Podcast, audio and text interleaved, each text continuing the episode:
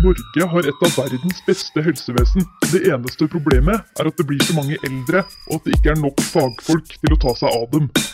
Egentlig så har vi ganske mange helsepersonell i Norge, men et av problemene er at mange slutter etter ti år i yrket. Så da spør jeg dere politikere, hva har dere egentlig tenkt til å gjøre? Ikke bare for å rekruttere nye sykepleiere, men også beholde de som er her. Det tror jeg er et litt stort spørsmål å svare på når podkasten begynner om få sekunder. Everyone clear. Do not touch patient. Shock delivered. Hei og velkommen til en ny episode av Hjelp, jeg er sykepleier. Som dere hører, så er det ikke Helene som er programleder i denne episoden. Eh, I dag er rollene bytta om, og det er jeg, Kine Albrigtsen, som er programleder, og Helene som er gjest. Eh, Episoden skal handle om Helene, både som privatperson og som sykepleier. Eh, Og vi skal selvfølgelig snakke litt om podkastens reise. Velkommen, Helene. Tusen takk. Spennende. Ja, dette, dette er gøy. Tusen takk for at du har gitt eh, roret til eh, meg i dag. Jeg stoler jo på deg. Du har eh, invitert meg. Du har jo intervjuet meg en gang før. Det stemmer. Og du har også vært i podden eh, før. Yes. Absolutt. Men helt eh, i starten eh, så tar vi tre kjappe spørsmål. Yes. Eh, Hvorfor ble du sykepleier? Hvorfor ble jeg sykepleier? Ja? Det, da må vi egentlig tilbake til ungdomsskolen. Fordi det er alltid litt sånn i 10. klasse Shit, nå er det snart videregående, nå skal man velge hva man skal bli når man blir voksen. Nå skal jeg bestemme min destiny. på en måte. Jeg var jo litt skolelei, aldri vært noe glad i matte. Så jeg tenkte liksom, hvilke ting er det jeg er god på? Veldig glad i naturfag, menneskekroppen. Alt det syntes jeg var spennende. Men så var det litt sånn helse og sosial. Da kan jeg slekke. Ja, Var det en litt sånn type linje å gå på helsesosial eh, da? Ja, Ja, for- Det altså, hadde det liksom slekt sånn- rykte, på en måte. Det der, eh, er det yrkesfaget det heter? Mm. Ja. Det er jo ofte litt for de slappisene. Nå er det sikkert mange som blir sure for at jeg sier det, men det er jo litt de som Jeg sier ikke at jeg er slappiser, men de som ikke er så glad i masse teori og masse lekser. og Da får man gjort litt mer praktisk, så det er veldig fint for de som er litt mer praktisk anlagt, eh, sånn som meg. Så visste jeg jo at det var mulig å ta påbinding senere. Og så hørte jeg jo at da kan man bli hudpleier og sånt, så det var liksom drømmen den gangen. Jo, kan jeg bli hudpleier og drive med makeup og jobbe på cruise? Color Fantasy, det var liksom store drømmen. Em, og så var man jo litt i praksis, både i barnehage, det var veldig koselig, og så var det liksom sykehjempraksis, det vet jeg ikke om jeg klarer. Æsj, stelle gamle mennesker. Det var liksom det jeg tenkte da. Tenk å skifte bleie på gammelt menneske, det, jeg vet ikke om jeg klarer det. Og det snakket jeg med læreren min om, og jeg vet ikke om jeg takler det, men, men prøv. Kanskje det er liksom bedre enn du tror. Og det var det. Jeg syns det var skikkelig koselig å hjelpe disse gamle og høre hva de hadde å fortelle. De hadde jo levd eh, et så mye lenger liv enn meg. Og jeg følte jeg fant en sånn connection med mennesker som jeg ikke har gjort før, med folk på min alder. Eh, Og jeg tok meg jo god tid med dem. ikke sant? To timer stell og bodylotion og satt og drakk kaffe og spiste frukt etterpå. De koste seg. og veilederen bare «Ja, Men i alle dager, er du her ennå, Helene? Ja, jeg har lært at man skal ta seg tid med pasientene. Ja, men gjør det, du, mens du ennå er elev, fordi det kommer du ikke til å få tid til når du blir ferdig utdannet. Og det viste seg å stemme, det, da. Mm. Dessverre.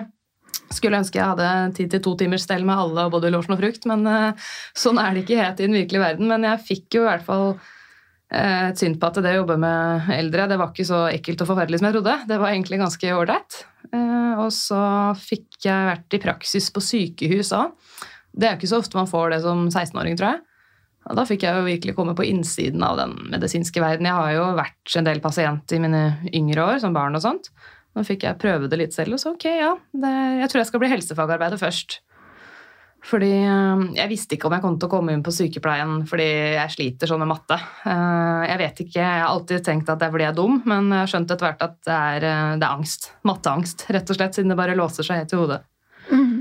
Så blei jeg helsefagarbeider først, og så tok jeg påbygning, og så kom jeg jo jammen meg inn på sykepleien, da. Så, så blei det det. Det er det korteste svaret jeg kunne komme med. um, og hvis du ikke skulle blitt sykepleier, da, hva hadde det blitt da? Oi, det har jeg også tenkt mye på. hadde blitt hudpleier på Color Line, eller? Jeg tror ikke det, men jeg tror kanskje jeg kunne blitt sjømann. Ja, faktisk, For jeg er veldig Wow. glad i sjø og båt. Og, så jeg har tenkt liksom, kanskje jeg hadde gjort det bra på en sånn skikkelig fiskejobb. Sånn mannemann-jobbing, liksom. Hvor jeg kan bli skitten og bruke kroppen min, for jeg er veldig fysisk sterk. Løfte ting og jeg tror jeg faktisk hadde prøvd det. Noe helt annet. Kan det hende at jeg hadde fått skrekken, men eh, Eller kanskje jeg hadde likt det. Har jeg også tenkt på ja, kanskje journalist. eh, Men da får man så mye hets. så Det er litt tryggere å være podkaster. Men jobbe noe med media kunne jeg jo kanskje tenkt meg. Lenge så sa jeg liksom at nei, det er personlig trener jeg skal bli. Spesielt jeg hadde spiseforstyrrelser. Det var liksom den store drømmen den gangen. mm. Så ja, jeg tror kanskje et litt mer sånn eh, manneyrke, faktisk. Det er jo noen som har gjort det, sånn som hun Rikke Isaksen, som nettopp var med på 70 grader nord Teams. Hun er jo fisker, Ja, er som er veldig sånn overraskende. At det er sånn, ok, jeg syns det er kult når folk bare Får hun det. det til, liksom? Ja, jeg tror det. Ja. Hun er på, i Nordsjøen, tror jeg, og digger det, liksom. Wow. Hun Mm. er jo nordlending, da. Kanskje Ja, ja. derfor. Jeg er jo halvt nordlending selv, så kanskje det hadde vært for meg. Se der. Så hører man jo mye sånne metoo-historier og sånt i fiske, men jeg setter folk litt på plass. Jeg godtar ikke sånne der ting. Da tror jeg de angrer seg, for å si det sånn. Kanskje, kanskje fisker, da. Det er jo spennende. Ja. Eh, men så er det jo liksom den her eh, sykepleierkrisa. Den har du jo eh, snakka mye om i det siste i forbindelse med helserolle og mange andre ting. Om, du skal svare kjapt på det. Hva, hva tror du skal til for å, for å løse den? Ja, der tror jeg det er flere ting som kan gjøres, for å si det sånn. Det er jo det å gjøre yrket mer attraktivt, og da holder det ikke bare å snakke positivt om det. Man må faktisk investere i det, gi det et løft. Lønna må opp, og belastningen må ned. Og man må satse på kompetanse, uansett om det er i kommunen man jobber i spesialisthelsetjenesten. Det må på en måte være en sånn gullstandard. Og så må det være lettere å få fast stilling, og så kan ikke lønna bare stoppe opp etter ti år, sånn som det gjør. Nei, for da får man ikke mer Nei, det stopper etter ti år, så kanskje liksom før du er 30, da, så Ja. stopper det.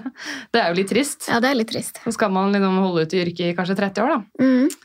Så ja, jeg tenker at hvis man starter med de punktene der, så er mye gjort. Men også å fremsnakke det mer, da. For det er jo mye dritt om sykepleieryrket i media.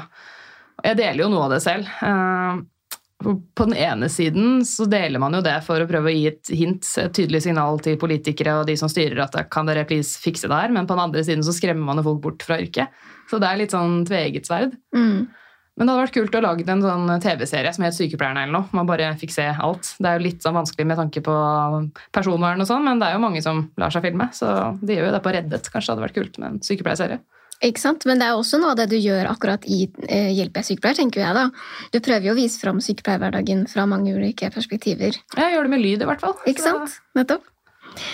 Em, så det var en tydelig oppfordring, da, vil jeg si. Mm. Ja. Igjen, vi trenger, vi trenger de som fortsetter å komme med akkurat de oppfordringene. Det syns jeg er bra. Vi skal jo grave litt i, i deg. Du er jo vant til å eh, ha kontrollen og intervjue folk og grave Yes. litt i deres eh, liv. Um, og jeg er heldig også få, skal få grave litt uh, i ditt liv.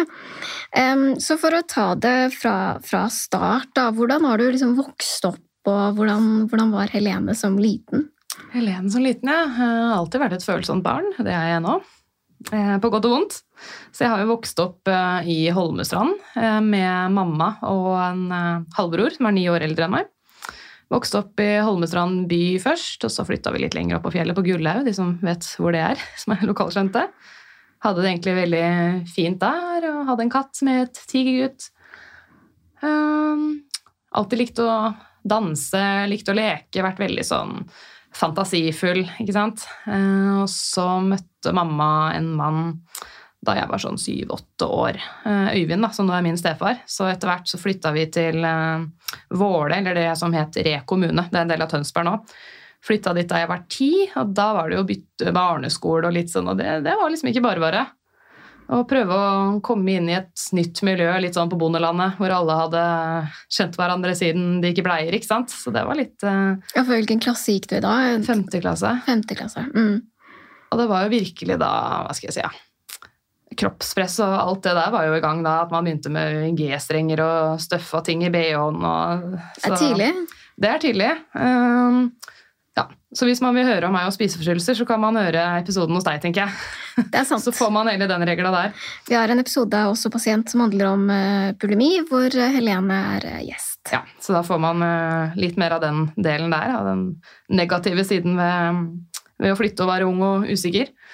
Så det var ikke bare bare på den tiden. Ass. Jeg følte meg ganske fryst ut av de andre og fikk virkelig kjenne på ensomhet og faktisk min første depresjon som tiåring.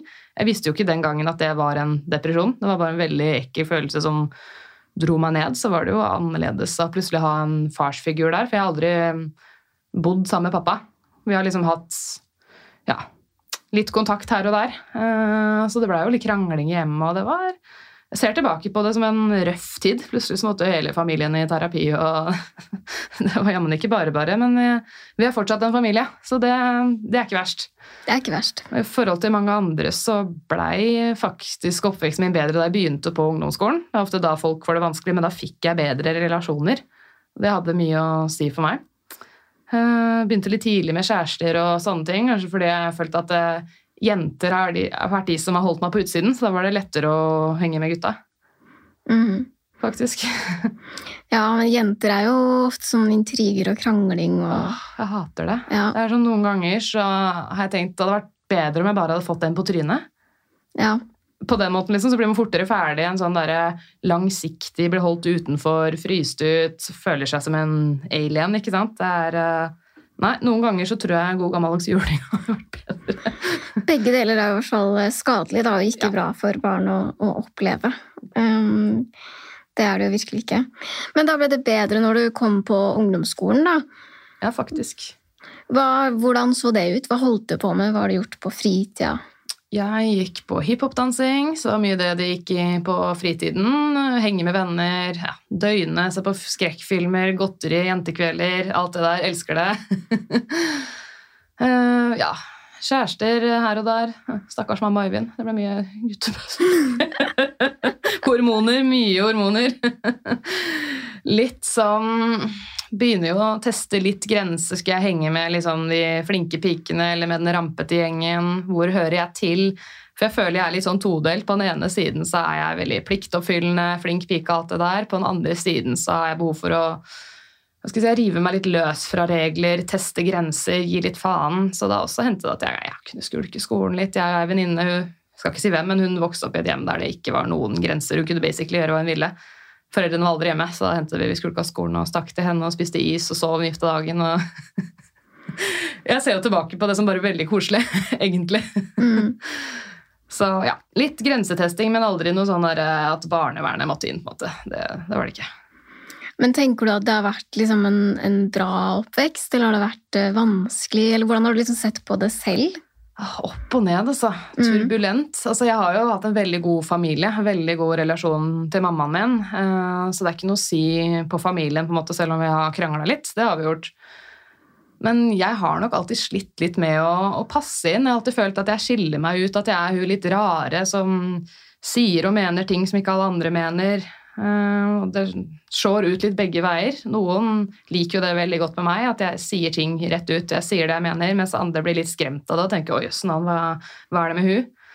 Eh, så det er litt vanskelig, da, med tanke på å passe inn og sånt, for jeg vil jo gjerne bli likt, men ikke til enhver pris.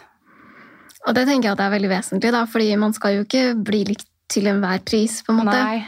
Eh, Det er jo bra at du nå tenker at du ikke skal endre deg Nei. så mye for å passe inn, på en måte. Nei, altså jeg er ikke den som går med de store gjengene hvor alle går omtrent likt kledd og alle snakker om de samme og alle driver med strikking. Det er jo litt sånn, Jeg kan føle på det ennå. Jeg jobber jo i et kvinneyrke. Og da kan det fort bli sånn at alle sitter og strikker. Hva strikker du, eller Helene? Heve? Nei. Nei. Føler ikke jeg har så mange kvinnelige egenskaper, egentlig. Bortsett fra vet ikke, være sykepleier og lage mat. Ellers så er det ikke så mye kvinnelig nei, holdt jeg på å si. Men var du sånn guttejente? Ja, jeg var vel egentlig det. Som det het da, da. Det heter jo ikke guttejente nå, vil jeg tro. Nei, men det het det før, så jeg, jeg ble vel sett på som litt guttejente, ja. Jeg kunne liksom bruke sminke og se veldig feminin ut, men oppførselen min var litt mer som en gutt, ja. Mm. Kan fortsatt være litt mannlig oppførsel for meg, for jeg også hører i mitt eh, forhold som jeg er i nå. Da er det innvendinger om at dette ikke stemmer overens med kvinne... kvinneligheten i deg. Uff a meg. Men eh, med, med tanke på liksom, psykisk helse og det å ha, det, eh, å ha de opplevelsene med deg fra, fra, barndommen og litt du har vært gjest hos meg og sånn, mm, har det fulgt deg hele oppveksten? Ja, egentlig. Så jeg tenkte liksom, når var det det her starta med at jeg har følt meg som en outsider og Jeg vet ikke helt. Noen blir jo kanskje født med en viss sårbarhet, og det er jeg nok, for jeg har tenkt litt sånn Var det meg det var noe gærent med, eller var det de det var noe gærent med? De som holdt meg på utsiden og Jeg vet ikke. Kanskje litt begge deler, men det er jo aldri altså det er jo ja, aldri greit å fryse ut noen. Og når jeg ser tilbake, så er det helt tydelige eksempler på ting som har skjedd mot meg som ikke er greit. Så det er ikke bare jeg som overtenker, men samtidig så kan man jo overtenke litt og bli litt overfølsom. Uh, hva var det jeg egentlig skulle svare på? Prate meg bort, jeg. Nei, jeg spurte om du har vært sånn hele livet. Om du liksom har hatt de opp- og nedturene, da, eller om du liksom alltid har, har følt deg som en outsider. Har det liksom vært med deg hele tiden, også oppover i voksenlivet? Ja, ja, det har det nok. Eh, men heldigvis så har liksom disse følelsene blitt lettere å håndtere med alderen. da, Når jeg har lært litt mer om hva følelser er, hva som er normalt og ikke, hvordan jeg kan håndtere de, hvordan jeg kan arrestere hva skal jeg si, ja, usunne tanker. da. Eh, tanker som bare er helt destruktive, som ikke stemmer overens med virkeligheten. Så det har blitt bedre, eh, takk og lov. For jeg har jo da ja, vært på DPS og fått utredninger og alt sånn, siden jeg, humøret kan svinge veldig opp og ned. Så jeg har jo blitt utreda for bipolar sykdom og personlighetsforstyrrelse og ADHD, men jeg har visst bare noe som heter Helene-diagnosen, tror jeg. Pluss tilbakevendende depressiv lidelse, da, som så pent heter. Det har jeg, men jeg ser jo ikke på meg selv som en veldig depressiv person. Nei jeg er jo egentlig ganske sprudlende og glad, men fader, når den depresjonen først kommer, ass, det, er ikke noe, det er ikke noe særlig. det kan jeg si. Og det, Sånn kan det jo være, at man ikke egentlig er liksom typisk veldig nedstemt, men at man har liksom sånn hang til å bli litt deprimert. Da. At man mm. blir liksom nede i en, en, dal, og så er liksom ikke det utgangsposisjonen uh, hele tiden. Um, det er jo ikke så uvanlig at det på en måte um, ja, ligger en eller annen sårbarhet, som du sier, da, i bunnen der. Mm. Men, eh, men, vi, vi snakka litt sammen før vi spilte inn, og, og da sa du liksom noe om din eh, akilleshæl. Kan du si noe om det? Ja, jeg er ikke så veldig glad i avvisninger, og det bunner nok i frykten for å bli forlatt. Frykten for at ingen liker meg, ingen vil ha meg. Ja, Det går tilbake til barndommen på en måte, da jeg ble fryst ut. Er, det er noe som blir med deg hele livet, i hvert fall eh, for min del.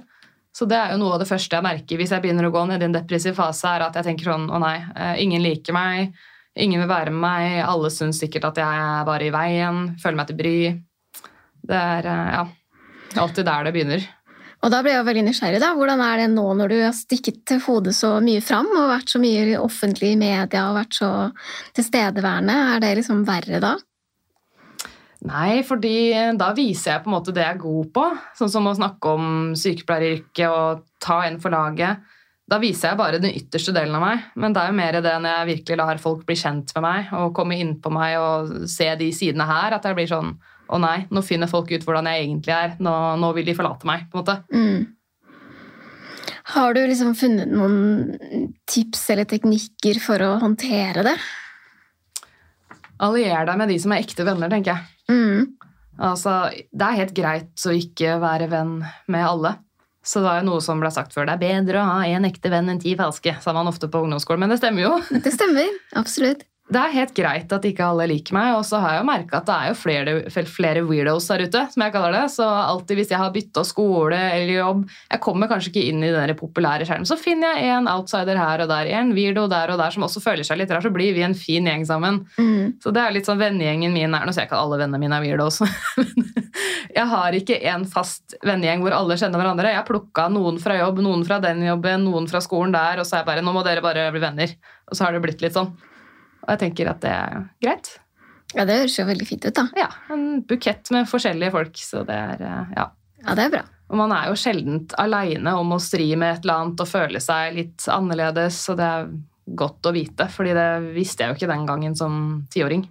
Nei, og det er mye enklere å se når man er voksen, både når man har levd en stund, og når man har sett veldig mange andre personer. Fordi noe av problemet her er jo at når man går på skole sammen, så blir man jo bare stua sammen fordi at man tilfeldigvis er født innafor de samme tolv Mm. månedene, og man bor på samme sted. Mens nå når du er voksen, så kan du jo velge i mye større grad hvem du skal være sammen med, og hva du skal holde på med og omgås. da. Ja, og det har så mye å si hvilke relasjoner man er i, fordi man kan snakke om giftige forhold, altså kjæresteforhold, det er ikke bra, men det er også giftig vennskap, hvor man kan bli utnytta. Og... Så det også er noe jeg har kjent litt på, at det har vært noen venner jeg rett og slett må kvitte meg med. Mm. Og sånn baksnakking, åh gud, det er, det er kvinner fæle på oss. Så jeg og en venninne på barneskolen, vi drev og fortalte hverandre alt som vi hørte hvis andre hadde snakket dritt om deg, så fortalte vi det til hverandre. Så vi ble jo fora på det der med baksnakking, og nå har den sagt det om deg, og ja, det var direkte skadelig, altså. Ja, det er eh, en påkjenning å holde på sånn, vil jeg si. Mm. Em, men uh, liksom, du har jo tatt med deg disse tingene, og man har jo med seg alle sine erfaringer inn videre i, i livet. holdt jeg på si. Um, har du hatt bruk for de i sykepleieryrket? Ja, jeg vil si det. I hvert fall hvis jeg har pasienter som sliter med angst eller depresjon, så jeg skjønner de på en måte. Det er jo liksom ikke den derre «Åh, ta deg sammen. Det er eh, også med andre ting jeg har vært igjennom av somatiske sykdommer. Altså det hjelper å ha litt erfaring, selv om jeg skulle gjerne vært foruten spiseforstyrrelser og foruten angst og depresjon og søvnproblemer og alt det jeg har. Men ingenting er så dumt at det ikke er godt for noe, så da har jeg en bedre forståelse. Mm. Men eh, når det kommer til jobben, da, hva, hva er det du liker best? Hva liker jeg best? Gjøre noe jeg er god på. Jeg vil jo si at jeg er god på deale med mennesker, da. Få virkelig brukt det jeg har utdanna meg til. Og det å gjøre en forskjell for noen, det tror jeg er det som er mest givende. Mm. Absolutt. Gjøre en forskjell for noen. Mm. Og på motsatt side, hva, hva er det verste? Det er hvis jeg føler at jeg ikke strekker til, da. Mm. Hvis det er f.eks. Uh, underbemanning og oppgaver oppe til ørene, og så glemmer jeg ting, og jeg får ikke fulgt opp pasientene sånn som jeg ønsker, det, det er en vond følelse. Eller hvis det blir liksom klinsj i samarbeidet mellom meg og andre kolleger, det også kan være Det er ikke så ofte det skjer, da, men det kan jo skje, og det er heller ikke noe særlig. Mm. Mm. Har du eh, tenkt at du skal være sykepleier for alltid? Jeg håper jo det. Ja. Men jeg tror ikke jeg orker tredelt turnus for alltid. Eh, Nei. Det har jeg sagt hele tiden. For jeg har jo epilepsi i bunnen og sliter med insomni. Og i det året jeg ble ferdig sykepleier, så begynte jeg på medisiner for å få sove, og de bruker jeg ennå. Hvor mange år er det siden 2017 nå? 17, 18, 19, 20, 21, Seis- 22, seks. Seks, seks år, Ja. ja. Seks år medisinslave. Det er jo noen kanskje som hører på nå som tenker sånn Ja, du er jo sykepleier til tross for veldig mange utfordringer. Jeg er jo det. Ja. Eh, Så jeg er kanskje litt sånn eksempel på at det er mulig å få det til, da, selv om man har vært igjennom eh, en del. Men jeg ser jo det på mange andre sykepleiere og har vært igjennom litt. Og sånn, eksempel selvskadingsarr, som både du og jeg har. Mm. Jeg ser det på flere studenter, jeg ser det på noen pasienter, jeg ser det på andre sykepleiere. Så jeg, jeg legger veldig fort merke til det, selv om det er liksom gammelt og lenge siden. Så jeg er liksom, ok, jeg kan se at du har hatt det vanskelig, for det er jo sjeldent man kan se på noen at man har en psykisk lidelse eller har hatt det vanskelig, men akkurat det er jo synlige merker, da. Mm. Ja, absolutt. Akkurat det eh, Hva heter det? Avslører deg jo litt. Mm. Um, men tenker du at det er vanlig, på en måte? At folk som strever litt, også blir, går inn i hjelpeyrker? Jeg tror det, Mm. faktisk. Fordi man blir veldig sånn åh, jeg vil ikke at noen skal ha det fælt. Jeg vil verne om andre. Jeg vil passe på at de ikke får det som jeg fikk, f.eks., eller hjelpe til at folk kommer seg fortere ut av det. Det er en link der, altså. Mm. Det er sjelden jeg møter en, en helsearbeider som liksom bare har seilt gjennom livet helt problemfritt. Altså, det fins jo de òg, men så tror jeg de kanskje fortsatt litt i sjokk når de møter folk der ute. Det kan jeg bare si som sykepleier. Folk eh, sier rare ting når man er fortvilt og er syk og er redd. Man kan høre både stygge ting og Ja. Man får litt tykkere hud, tror jeg, som eh, helsearbeider. Det tror jeg absolutt på. Jeg tror man opplever mye som, ja, som kanskje ikke er helt venta, når man tenker sånn ok, jeg skal jobbe på den og den avdelingen, men plutselig så kommer det inn andre caser, eller ting skjer, eller folk i krise reagerer på eh, veldig mange ulike måter. Men hvis du eh, ikke skal jobbe tredelt turnus for resten av livet, hva, hva skal du gjøre da? Har du noen tanker om det? Skal du utdanne deg, eller skal du få en dagstilling av de få som det er mulig å oppdrive? Eller? Ja, det, altså Fra tid til annen så googler jeg jo dagstilling sykepleier Oslo. Det er det veldig mange også som googler. Så jeg, Ja. det er liksom dagstilling, så er det uh, dagstilling sykepleier Oslo første som kommer opp. Og så er det sikkert sånn tredelt turnus, eh, 2500 ledige stillinger, og så er det sånn eh, dagstilling, eh, tre ledige stillinger. Ja. Ja, ikke sant. Nei, eh, poliklinikk er nå én ting, men eh, hvis man videreutdanner seg, da, la oss si som avansert klinisk sykepleier, så kan man jo jobbe på Hva i alle fastlegekontor. dager er avansert klinisk sykepleier? Eh, AKS. Jeg har lagd en episode om det òg. Den, oh. kommer- den kommer til tirsdag, faktisk. Ja, spennende. Eh, nei, da tar man basically holdt på å si, sykepleien på nytt. Bare mye mer i dybden. Så man får liksom en bredde og en dybde. Mm, spennende. Mm. Eh, så det er litt sånn fremtiden, at da kan de ta over en del av de oppgavene som leger gjør i dag. Ah. Og da kan man jobbe på legekontor, var det det du sa? Mm. Mm. Det er litt sånn fremtiden at man kanskje kan få istedenfor fastlege en, en fast sykepleier med mastergrad. da. Oh, Det gjør det i andre land, og det fungerer veldig bra. Spennende. Så det er noe jeg har tenkt på at hm, kanskje det, det kunne vært noe. Ellers er det jo masse forskjellige poliklinikker. da, og Hvis man blir operasjonssykepleier, så kan man jobbe på dagkirurgisk enhet. Man kan også gå inn i forskningsbransjen. ikke sant? Da jobber man også dagtid. Eh, Så det er muligheter der. Og så er det jo lederstillinger, da. Da er det jo mm, som leder bedre lønn og dagstilling, men mye mer ansvar. Så hvis man vil ha en dagtidjobb for å på en måte holdt på å si, slappe av litt mer, så vet jeg ikke om leder er veien å gå. Kunne tenkt deg å bli leder? Kanskje, Mhm. men da vil jeg ha enda mer erfaring først. Ja. Det, ja, absolutt.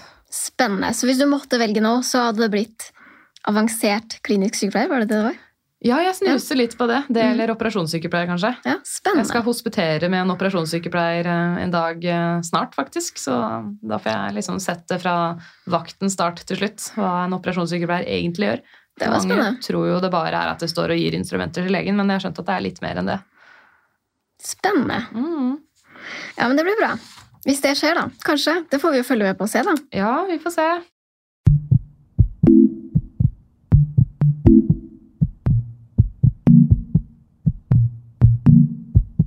Og så skal vi jo snakke litt om eh, Du har jo hatt eh, mange Eller har mange sterke følelser, som du har sagt nå. Yes. Eh, og så går jo de i et slags fra ytterpunkt til ytterpunkt, da, hvor det er ting man eh, elsker og ting man hater, føler veldig mye for. Eller føler eh, Du føler mye for det uansett, på godt eller vondt. Ja. um, kan du ikke si litt om hva du elsker først, da, for å ha, starte positivt? ja, og så avslutte med litt negativt. Ja. Ok, jeg har jo en liste her da, som jeg har printa ut, uh, analogisk som jeg er. På elskelista så har jeg mennesker som ikke dømmer andre. Mm. Altså Sånne mennesker synes jeg er helt nydelige, som bare har et åpent sinn og møter andre uansett om man er skeiv eller har en annen religion eller en annen oppfatning av eh, kjønn eller whatever. Mennesker som klarer å møte andre som er helt annerledes enn seg selv uten å dømme. De menneskene liker jeg, så det er ofte de jeg allierer meg med òg. Som har et åpent sinn, rett og slett. Mm. Mm. Og som på en måte ikke har så bombastiske meninger om ting, sånn som f.eks. rusdebatten da, om avkriminalisering og rusreformen, så er det noen som er så veldig Nei, det skal vi ikke gjøre, da blir hele Norge narkomane.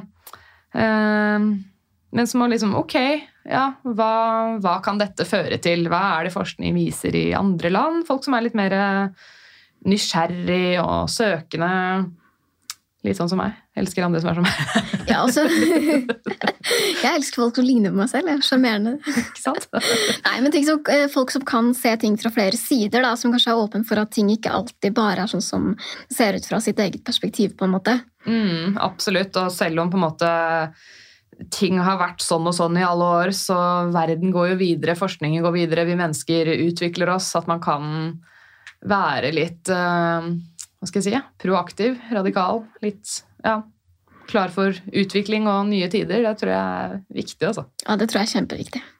Det er en del eh, sånne konservative som bare er i fastlåst eh, tankemønster. Det er jo en av de tingene på hatelista, tror jeg. Og det er jo absolutt eh, bra med bevegelse, helst fremover, da. Ja, Ja. absolutt. Mm, enig. Selv om noen ganger så må man plutselig gå noen skritt tilbake, sånn som antibiotika for eksempel, da. Det har vært framover i mange år. Nye typer antibiotika, kjører på, kjører på, så plutselig funker det ikke lenger. Da må man kanskje ta et skritt tilbake og ok, vi må kanskje være mer nøye med mm, hygiene, eller drikke appelsinjuice for urinveisinfeksjon, eller hva vet jeg. Mm. Plutselig har man brukt opp eh, framtiden litt, sånn som naturressurser, kanskje. Det er vel noe av det vi skal se en del av fremover, virker det som. da. Eh, Mm. Vi går jo inn i noen kriser som ikke er så veldig hyggelige, hvor vi har eh, eh, ytt over evne eh, en god stund. Mm, det blir jo fort litt sånn Mye vil ha mer når Mm. noe nytt har blitt funnet opp, og så går det kanskje ikke så bra, da. Så må man ta noen skritt tilbake. Og da er det jo fornuftig, og da er det jo også liksom lurt. Da. Da tenker jeg at når man klarer å ta de skrittene tilbake, så har man jo også egentlig klart å se ting fra flere perspektiver. For da har man jo klart å se at ok, det er bra, men eh, det er ikke udelt bra, da. Noen ganger så er det faktisk ikke bra også, på en måte. Mm, Så sånn det vil jeg også si er nyansert. Ja. Ja. Andre ting du elsker, da? Mennesker som tør å innrømme feil. Åh, sånne mennesker også elsker jeg. Ja. For det er ikke så mange av dem, føler jeg. Og det sitter langt inne, det gjør det for meg òg, men jeg prøver å, å bli flink på det. Hvis det har vært en diskusjon, og så finner jeg ut at faen, det, der tok jeg jo helt feil. At jeg sier vet du hva, jeg tok feil, du tok riktig. Det er sånn det er. Uh, det føler jeg det står litt respekt i. De som faktisk tør å ja, innrømme feil, uansett om man er leder eller en på gulvet eller politiker. Og herregud, politikere som tør å ta feil, de, de får stjerne i boka av meg, altså. ja, det er helt sant. Men har du eksempelet? Når kan du innrømme feil eh, selv, eller er du like god på det som du elsker at andre er? Eh, det må du spørre vennene mine om og kjæresten min om. Få det inn i studio, skal jeg spørre. Ja. Vi burde hatt en sånn tredje person der Ja. som kan bekrefte eller avkrefte. Kontrollgruppe. Ja. Men eh, i hvert fall hvis jeg eh, gjør noe faglig feil, da, sånn som i denne poden, så, så retter jeg det opp. Enten i episodebeskrivelsen eller at jeg klipper bort ting hvis jeg sier feil. Eh, så det er en ting som er helt tydelig, for det er på en måte opplært til at uh, faktasjekk uh, det du sier, liksom, om det så er i etterkant. Mm. Um, jeg tar meg selv i noen ganger hvis jeg, hvis jeg blir litt sint da, på jobb. At jeg sier ifra etterpå at beklager, nå fikk jeg litt overtenning, eller det var ikke meninga å være sint, jeg var bare stressa. Uh, så det, det gjør jeg faktisk. Um, men sånn, i samlivet da, så er det veldig vanskelig å innrømme feil i in the heat of the moment. Mm. Det er vanskelig, så kanskje litt mer etterpå, når jeg får troet roet meg ned, at jeg kan liksom se det litt utenfra at ok, det der var ikke helt greit, det jeg sa eller gjorde. Mm. Et veldig godt eksempel på det er jo fylla. Litt sånn ja, fylla har skylda, men hvem har skylda for fylla? Ja. Så der har jeg måttet si unnskyld noen ganger eh, til mennesker jeg er glad i, faktisk. Eh, ja.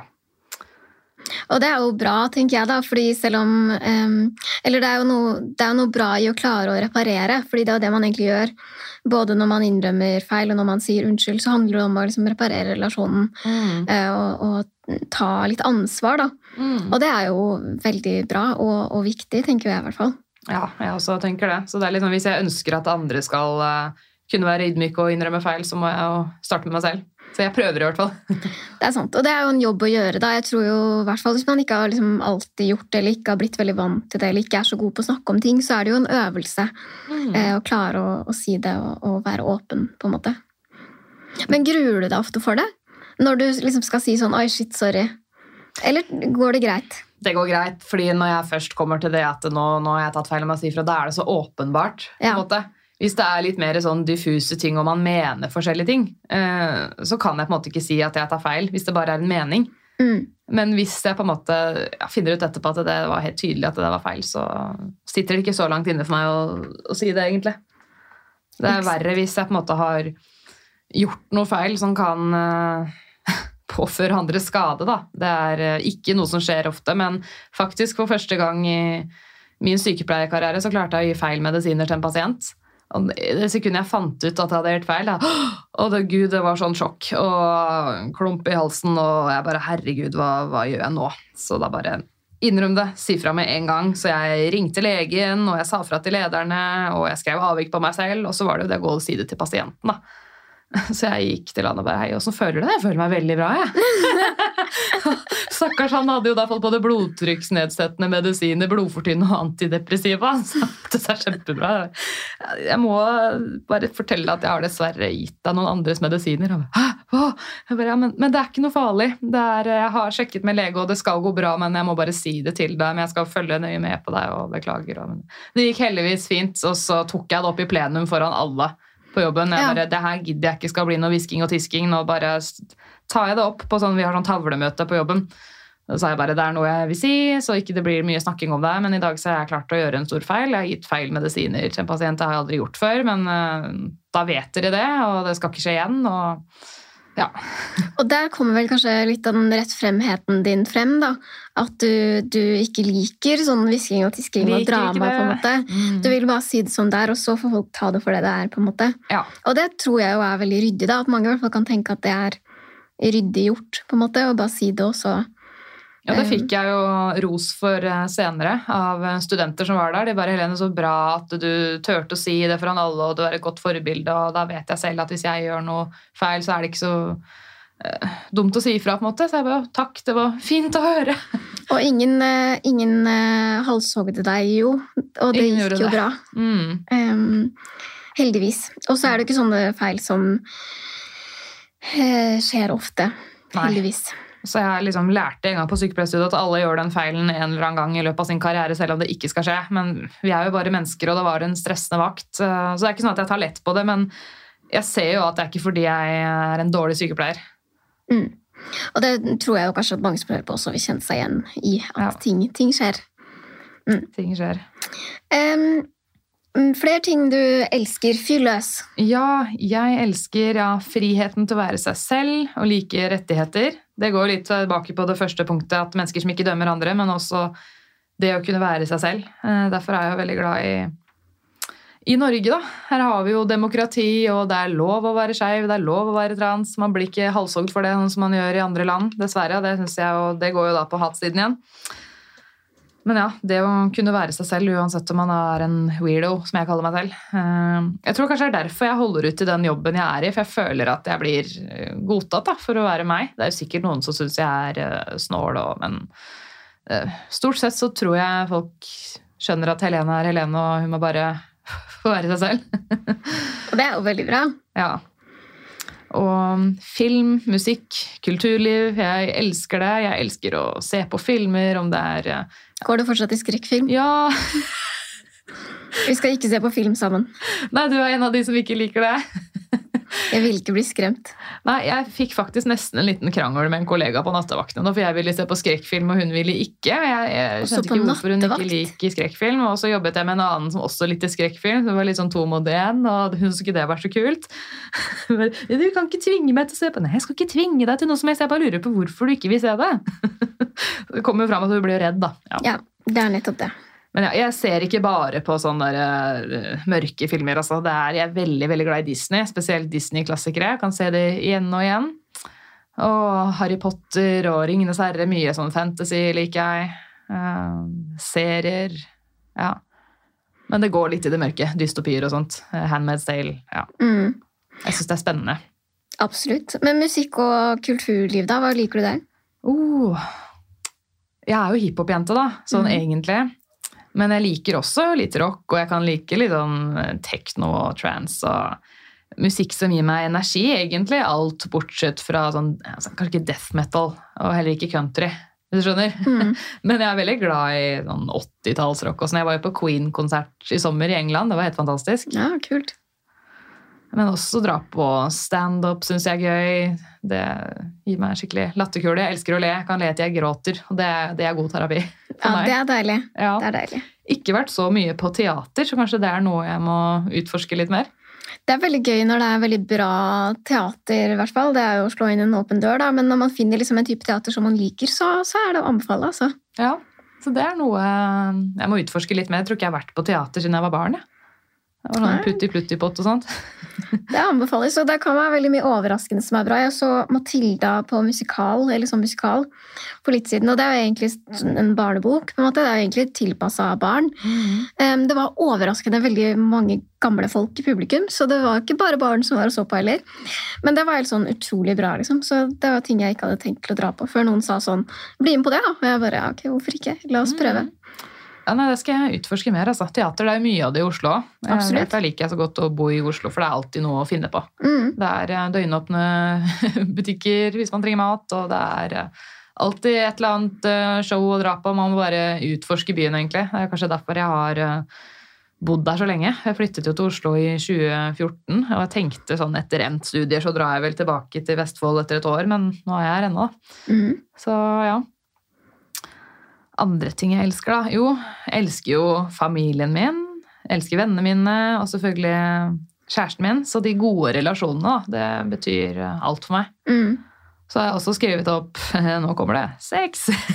Ja, fortell. ja, herregud, hvor mye skal jeg fortelle om det, da? Jeg føler jo ikke at dette er en, en sånn type podkast. Jeg kunne snakket masse om sex med både erfaringer og ting som er bra og ikke bra, men sykepleierboden skal jeg snakke om det, da. Men det er jo en del av helsa, så jeg tenkte at jeg er jo for å snakke om helse på alle aspekter. og jeg liker jo også å kunne snakke om det som andre ser på som litt tabu og litt flaut. Så jeg vil si at god sex det, det er viktig for meg, enten om det er med meg selv eller partner. Og jeg tenker at det er noe man må tørre å innrømme for seg selv er viktig. da. Selv om man er eh, kvinne, kanskje, så må man kunne tørre å snakke om onani på lik linje som gutta, tenker jeg, da.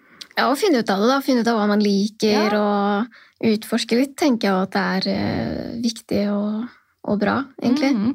For når jeg snakker om at jeg elsker sex, så er det på en måte det er god sex jeg snakker om. da, fordi det, jo, det kan jo være mye forferdelig med det hvis det ikke er frivillig og gjør vondt. og så det er på en måte ikke den delen jeg snakker om, Men den gode, frivillige sexen man bare vil ha mer, det er litt sånn, man kan bli helt euforisk. Mm. Så um, de som klarer å opprettholde det sammen med turnus og alt sånt, ikke alltid like lett. Men det er jo litt viktig å minne seg selv på ja, hva som er bra for en, da, og jobbe for å opprettholde det. For det er jo litt sånn god sex avler god sex. Litt som er man i en god treningsrutine, så blir treninga enda bedre. Så er det mye med, i hvert fall sånn som du som er i et forhold, da, så er det jo noe med liksom, eh, relasjon og nærhet, og det er jo masse ting som henger sammen her, og som Mm. påvirker hverandre i det å ha et godt sexliv, enten alene da, eller med andre, på en måte. Mm, for sex det kan bety så mye. Man kan jo misbruke det òg, egentlig. Hvis man bærer på tunge følelser at man går rundt og ligger med random, så da kan det på en måte bli litt destruktivt igjen. Men det å ha sex med noe man er glad i, det er noe helt annet. Og det kan være en måte å vise kjærlighet på. ikke sant? Det er, eh, det er så mye, da. Det ligger kommunikasjon der, og språk og tegn. Og, og det er jo sunt òg, da. Absolutt. Så more sex to the people. Slå slag for eh, folkehelsa Ja, jeg via sex. Yep. Ja, Skal ikke jeg gå mer inn på det, for da, da snakker jeg bort. Og det er jo familie som hører på det her. og ja, Kunne kanskje får- gitt en liten advarsel, men De får eh, lukke øra. de får lukke Men altså, folk vet jo at jeg ikke lever i sølibat, da. Så Men jeg syns sex er en god eh, avslutning på elskelista, ja. ja, avslutte med litt elsking, rett og slett, Ja. på den lista. Nettopp. Ja. Um, men vil du ta en runde på hat, eller det er jo noen av de samme tingene vil jeg tro som går igjen? da, Altså motsatsen til Mm. um, det du elsker, og det er jo ikke så rart. Um, er det liksom noe spesielt eh, du vil trekke frem der, som er det du misliker aller mest? Ja, det blir jo det stikk motsatte av det jeg elsker. da. Mm. At jeg hater fordomsfulle mennesker. Og jeg hater mennesker som aldri innrømmer feil. Sinnssykt irriterende og vanskelig å forholde seg til. Mm. Folk med rigid og fastslått, eh, fastlåst tankemønster. Mennesker som på en måte nekter å utvikle seg. da. Veldig veldig vanskelig å ha med å gjøre. Og jo folk som avlyser i siste sekund, eller ghoster, og gud, det er det verste jeg veit. Ja.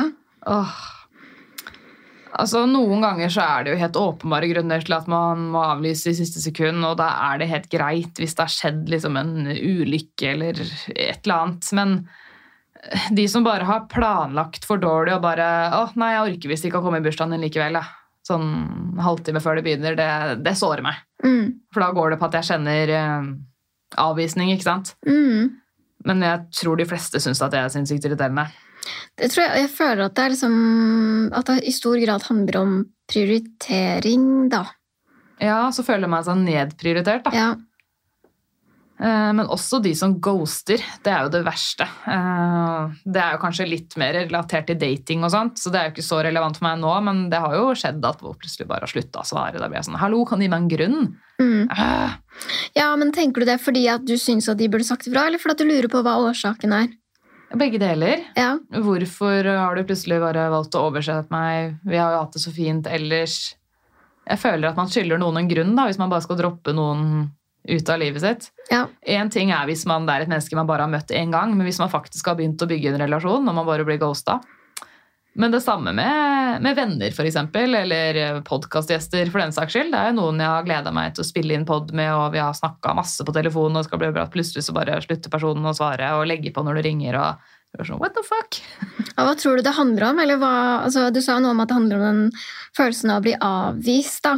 Men hva tror du det handler om fra, fra andre folks sin side? da? Vi skal prøve å se det fra deres perspektiv. Jeg tror helt ærlig for noen så handler det om at de setter seg selv over meg. At det var ikke så viktig. Fordi noen av disse menneskene som har slutta å svare, så ser jeg på, på Instagram etterpå at de er ute og danser eller på fest. eller er sånn, okay, da, da sier det litt om de menneskene. Men da er det litt viktig å minne meg selv på at da er det kanskje ikke de jeg skal ha i livet mitt heller. Mm. For er man et åpent og ærlig menneske, så sier man ifra hvorfor. Mm. Og helst litt før siste sekund. Mm. Så da prøver jeg å minne meg på at det er ikke meg det er noe gærent med der. Nei, og så er det jo en oppfordring til eh, alle da på å si ifra, kanskje. Ja. Og ikke ghoste uten grunn. Fylla, Nå tenker jeg på at det er noen jeg skulle svart på mail for lenge siden hvor jeg har sagt at jeg kommer tilbake til det. Slapp av, alle sammen. Nå kommer Helene til å svare på kommer alle tilbake. deres meldinger. Vi skal ut av studio om en liten stund. Da kommer det farende inn her. Men ikke sant, det er forskjell på når man faktisk har en avtale til dato og klokkeslett, og det ja, vi skal gjøre det i fremtiden, jeg kommer tilbake til det. Da er det en liksom svevende ish-avtale. Da er det noe annet hvis det blir glemt. Men når man har dato og sted klart, jeg har rydda kalenderen, og så bare ghoste folk, det er Da tenker jeg har du null respekt for min tid. Her har jeg sittet og planlagt og sagt ifra til følgere, kanskje, hvis det er noe pod-relatert. Så det åh, ja. Mm. Jeg vet ikke om du har kjent noe på det i din pod? Eh, jo da, det er jo litt annerledes, for jeg snakker jo primært med pasienter, og da er det jo mye som kan skje i livet til pasienter som ikke kan være gjest likevel. Em, men det er jo mye av det samme, på en måte, at folk som, som ghoster hvor jeg ikke hører noe, blir jeg ofte nysgjerrig fordi at jeg har lyst til at, å ha de som gjester. Eh, så da syns jeg det er liksom dumt da, hvis man ikke hører noe, men så er det jo ofte Jeg velger i hvert fall å tenke at det er ofte en, en god unnskyldning eller en god grunn, da. Em, så må man jo bare mase litt òg, da. Ofte når man maser litt, så skjer det jo likevel, da. Det er jo også min erfaring at hvis, eh, hvis man bare spør eh, litt til og litt til, så kanskje man, man får svar. Ja. Og det prøver jeg jo på før jeg blir sint for at noen ghoster meg. Så prøver jeg jo å nå vedkommende. Absolutt. Ja. absolutt. Ja. Skal vi se andre ting, da. Jo, mobbing, diskriminering og misogyni har jeg skrevet. Misogyni er jo da kvinnehat. Kan ikke skjønne at noen bare har bestemt seg for å hate halvparten av befolkninga på hele jordkloden. Men noen har jo tydeligvis det. ja, det er vanskelig å forstå. Mm, og da er man jo litt inne på Jeg vet ikke om du har hørt episodene mine om helsesykepleierne, men vi snakka om det fenomenet incel. Ja. Involuntary celibacy. Det er jo da ofte menn som lever i ufrivillig sølibat. Eh, og Det kan være mange grunner til det, men så skylder de på en måte på kvinnene. da, At de er selvopptatt og fæle som ikke vil ligge med deg. og At de velger feil menn og ja, ja, ja, alt den der eh, teorien om at det fins Chads og Stacys, og de finner hverandre, og så er incelen igjen og blir den store taperen, og de menger seg sammen på forum. og Det er lett for meg å sitte og si at jeg hater dem, men så har jeg tenkt at det er jo en grunn til at de ender opp som incels òg. De har jo kanskje ikke hatt det så greit og vært utsatt for mobbing og blitt veldig mye avvist. og jeg skjønner at det ikke er det greit, men jeg synes heller ikke det er greit da, at vi bare, da bestemmer vi oss for å la det gå utover eh, kvinner. Nei, Det er vel her den store forskjellen på at det er en um, unnskyldning og en forklaring kommer inn. Vi kan forstå hvorfor eh, ting er som de er og blir som de blir, eh, og så betyr jo ikke det at det er greit likevel, for det er jo veldig skadelig for uh, spesielt kvinner. Da. Men jeg tenker jo at alle taper på eh, ekskludering og diskriminering på grunn av hva som helst, da, egentlig, men også av kjønn. Mm. Men man ser jo på forskning at i land hvor kjønn har like rettigheter, det kommer begge kjønn til gode. Eller alle kjønn til gode. det. Mm, mens i land hvor kvinner blir nekta utdanning, og sånn som i Afghanistan, det går jo ikke spesielt bra der. Det har begynt å bli hungersnød, og folk virkelig de lider. Og se på Iran, eksempel. Det er jo, det er jo ikke bra. Absolutt ikke. Ja, jeg blir oppriktig lei meg når jeg tenker på åssen det er i andre land, og åssen folk må leve under et ekstreme regimer, og der er det i hvert fall ikke rom for å være seg selv. Uansett om man er mann eller kvinne, så må man leve etter et ekstreme regler. Og, og diskriminering, det kan være så mye. Én ting er å mm, kjønnsdiskriminere, men også sant, rasisme, homofobi, transfobi. Alt det der provoserer meg veldig, og jeg ser det jo daglig i Facebook-kommentarfeltene. Mm. Og folk leser jo ofte bare overskriften på ting, og så blir det helt bananas i kommentarfeltet. Så jeg, jeg prøver egentlig nå å ikke lese i kommentarfelt, for jeg blir så provosert. Det er 90% helt usaklige meninger der. Ja, og så er det noe med sånn, Da vet man jo ofte hva man får da, i de kommentarfeltene, og det er ikke bra uh, ting. Uh, og så er det jo litt sånn, ok um, Jeg tenker jo at det viktigste er jo å jobbe for mer åpenhet og aksept på de måtene man kan. Mm. Um, og så er det ikke sikkert at alle de kommentarfeltene er de mest mottakelige for endring. Nei. Og jeg har prøvd, ikke sant? Jeg har Ja. prøvd å forklare ting for folk og vise til forskning, og jeg har prøvd å diskutere, men det, det går jo ikke så bra. Nei. Nei, og så betyr jo ikke det at man nødvendigvis skal slutte å forklare. fordi noen vil jo da tenke oi, shit, hm, og få noen nye tanker. Om kanskje ikke første gang man nevner det, så kan det hende at noen endrer seg sjuende gang de hører om det. At ok, kanskje det er mange som faktisk tenker på noe annet som meg, og at man endrer seg på sikt. Men, ehm, men noen steder, som i kommentarfelt, så er det jo kanskje litt lite rom for personlig vekst. på en måte da. Ja, Kanskje ikke det det beste det. fora for det. Jeg kan jo håpe på at jeg kanskje sår et lite frø som kan spire og gro, men det er jo noe med det når man skriver til hverandre og man ikke hører stemmeleien, når man snakker, ikke ser mimikken, så er det veldig lett å misforstå hverandre, da, versus når vi sitter her og har en samtale under fire øyne. Mm. Så jeg har tenkt litt mer på det at hvis jeg skal arrestere folk og prøve å endre meningene deres og plante et frø, så er det bedre i en vanlig samtale. da. Mm. Sånn som hvis jeg hører usaklige kommentarer fra enten om det er kolleger eller pasienter, så prøver jeg jo alltid å irettesette dem. Mm. Ja, og det begynner jo der, tenker jeg da. Det er jo da man på en måte er antirasist eller eh, Mm. whatever, er jo når man faktisk står opp mot eh, det man ser. Når man tar liksom noen aktive valg for å, for å jobbe mot det. Eh, og det er jo det viktigste man kan gjøre. Mm. Skal man drive og være internettpoliti, da får du en 200% stilling hvis man skal drive og irettesette alle som skriver noe feil her. Da får du det travelt. Ja, men jeg kan jo, hvis det er noen skikkelig drøye kommentarer, så kan jeg jo også rapportere det inn. Og Ja. man kan også anmelde det. Hvis det Absolutt, er sånn direkte absolutt. trusler og sånt. Så. Og det tenker jeg at er viktig, fordi det er noe med å få det um, dokumentert. da, At Mm. ting foregår, og at det virkelig ikke er greit. Også for å, for å ja, melde ifra, fordi kanskje man også der da er nummer fem eller ti eller 15 i rekka anmeldelser mot en person, på en måte, da, og da vil du ha større gjennomslagskraft seinere. Mm, og folk kan jo bli straffa for det. Og miste jobbene sine. Og, så jeg tenker det er helt innafor det. Jeg oppfordrer folk til å rapportere stygge kommentarer, og man kan faktisk politianmelde det òg. Absolutt. Flere ting du hater? Ja. Egoisme og manipulering. Ja, det overrasker meg jo ikke så mye. Nei. det går vel ikke an å ikke hate det. Nei. Men eh, mennesker som alltid setter seg selv foran andre og prøver å gaslight og manipulere andre til å tenke at, eh, at de tar bare feil valg, og alt de tenker er bare feil, og man skal føye seg. Nei, åh. Mm. Jeg har jo ikke vært så mye utsatt for det selv, men jeg hører noen historier som bare er helt jævlige. Så jeg har jo alltid sagt at man bør lære om psykisk helse fra barneskolen av, men man bør også lære om red flags, på en måte, for å finne ut at man er i en dårlig relasjon. Mm. Eh, For hvis man på en måte den eneste relasjonen eller eneste forholdet man har vært i, er et sånn type forhold man blir manipulert, så vet man ikke om noe annet. Så jeg skulle ønske at det er noe man kunne lært om tidlig. ass. Absolutt. Så alle enig. skal få sin frihet. Enig. Helt enig. Absolutt. Andre ting jeg hater? Nei, det er jo angst, depresjon og spiseforstyrrelser. da. Det går vel ikke akkurat an å, elske det. Nei, det tror jeg de færreste gjør. Jeg har tenkt på, Har det vært noe bra med noe av disse her tingene her? Det er jo det at man får bedre forståelse for andre, og så er det jo mye bedre å være glad når man først er glad. Men jeg hadde mye bedre døgnrytme da jeg var spiseforstyrrelse. Det, jeg klarer ikke å si det. Spiseforstyrra. Ja, Det, det hadde jeg. ok. Hva tror du det hang sammen med? Nei, det hang jo sammen For det første, jeg jobbet jo ikke i turnus da. Jeg var eh, student. Da kunne jeg styre døgnrytmen min som jeg ville. Og så får man jo det pakka under huden uansett hvor man skal lese om helsetips. Uansett om man leser på et spiseforstyrra forum eller i en fagbok, så står det at det er bra å stå opp og legge seg til samme tid for å få god helse. Så da var jo det noe av det jeg prøvde på. Men eh, fordi da var jo livssituasjonen din helt annerledes da, siden du var student. Er du da sikker på at dette er mynta på spiseforstyrrelsen spesifikt? Eller handler det om annet den tredelte turnusen du jobber? Kanskje litt begge deler. Bare for å si sånn, den eneste veien til god døgnrytme er ikke en spiseforstyrrelse, var poenget mitt her nå. At det er sånn, jeg tror du kan få det tilbake uten å få en spiseforstyrrelse på lasset da.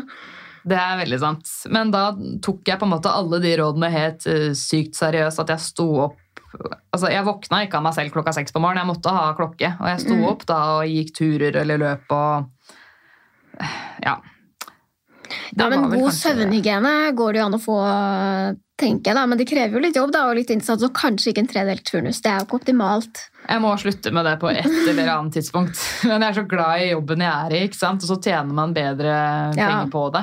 Og jeg tror ikke du er aleine om det. Du snakker jo med enda flere sykepleiere enn eh, meg, holdt jeg på å si. Men eh, det er vel noe med det at det er sånn man kan gjøre det en periode til det, til det sier stopp, da, eller til man i hvert fall tenker at det er bedre å jobbe dagstilling.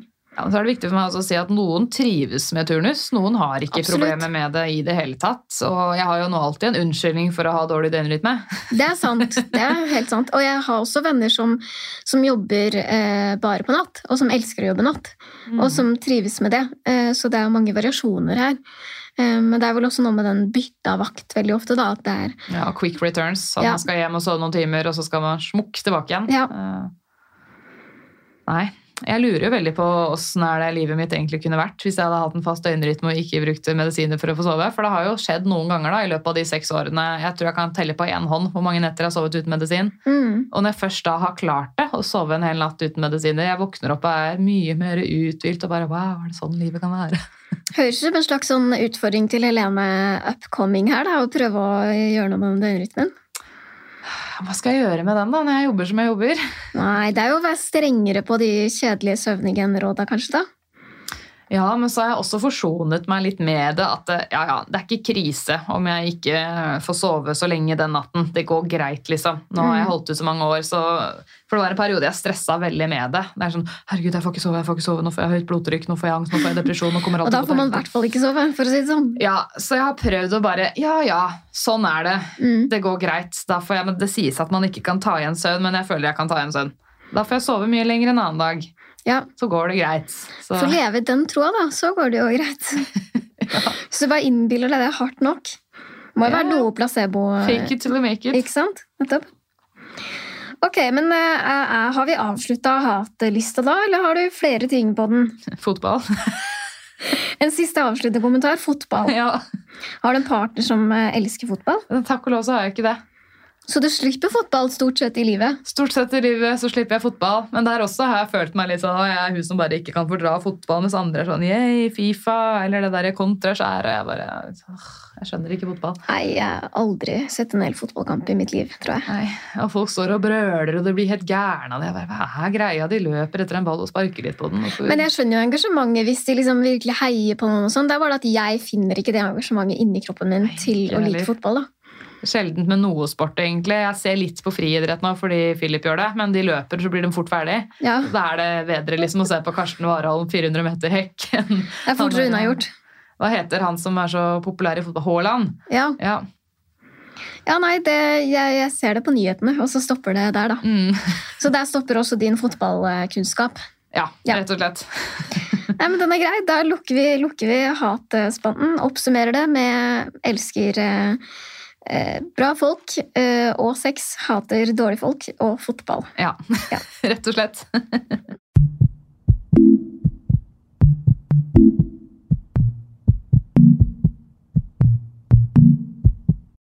Ok, Vi skal ta et lite temaskifte og snakke litt om eh, det vi driver med akkurat nå, nemlig podkasten din. Um, nå, nå er det Altså, når starta den egentlig? Hvor lenge har du holdt på nå? Du, nå har jeg holdt på litt over et år. Ja. Det I har april så var den et år. Gratulerer med dagen på etterskudd. Takk. Um, hvordan kom du på å starte podkast? Oh, veldig random, sånn som veldig mye i livet mitt er eh, random. Jeg glemte én ting på elskelista. Det var reising, eh, natur, fart og spenning, forresten. Ja. Um, ja, jeg så på eh, den Sex and the City spin-off-serien som heter eh, And Just Like That. Og da lager jo Carrie podkast. er bare, å, det er så gøy ut. De bare sitter der i studio og prater og koser seg. Så tenkte jeg liksom, tenk å få kanskje betalt for å bare sitte og skravle. Eh, Det hadde vært drømmen for meg. Så da sa jeg fra til en kollega hei, du skal ikke bli med og lage podkast, eller så kan vi tjene litt penger. Og jeg trodde den gangen at det var veldig lett å tjene penger på podkast. Det det er det ikke. Visste at det var en løgn. That was a lie. Definitely. Så, men hun var litt sånn Helene, jeg tror det tar veldig mye tid og energi og krefter. Jeg tror ikke jeg kommer til å orke det. Eh, Du kan gjerne invitere meg i studio innimellom, men jeg har ikke det samme energinivået som deg. Jeg bare, ok. Så da søkte jeg opp eh, podkastgruppe Facebook eller noe sånt. Så fant jeg en gruppe Norske podkastere. Skrev jeg bare hei, jeg vil begynne å lage podkast. Hva skal den handle om? Ah, Sykepleie, det er noe jeg kan. Yay, den skal handle om sykepleier. Noen som har noen tips til hvordan starte opp? Så kom jeg i kontakt med en som het Bjarne og sa jeg har studio og jeg kan hjelpe deg med å komme i gang. Jeg liker alt som handler om utdanning og sånt. Så jeg bare, jøss, Bjarne, hvem er det liksom? Inviterer meg til å komme i studio. Jeg bare, ja, ja, jeg får dra dit. Så det var jo da han som var sjef for Kubrix. Eh, Så jeg leverte på en måte min pitch, sa hva jeg tenkte den skulle handle om.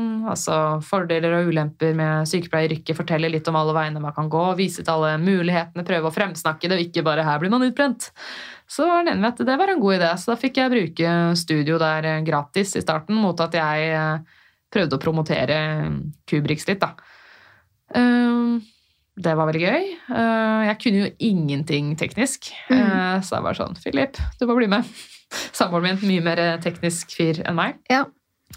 Så han fikk litt sånn hurtig opplæring der, og så var det egentlig bare å starte å invitere gjester. Så begynte podden å suse og gå. Hadde du gjester fra første episode? Ja, jeg hadde det. Ja. Katrine Krøger hun var min første gjest. Hun Ja. er jo sånn eh, skal vi si, kritiker Mm.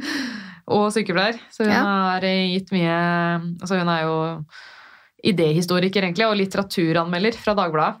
Så hun har Mm. skrevet mye kritikker om sykepleierutdanningen. Og jeg tenkte, ok, Hun, litt, hun har litt sånn bombastiske meninger, så det kan være litt gøy å få med henne. Men hvordan var det da å invitere gjester sånn helt fra starten? Fordi det er jo litt annerledes som nå når du har på en måte en etablert podkast. Hvordan var det i starten når du var litt sånn Jeg vet ikke hva jeg driver med, jeg har aldri kanskje vært programleder før. Ja.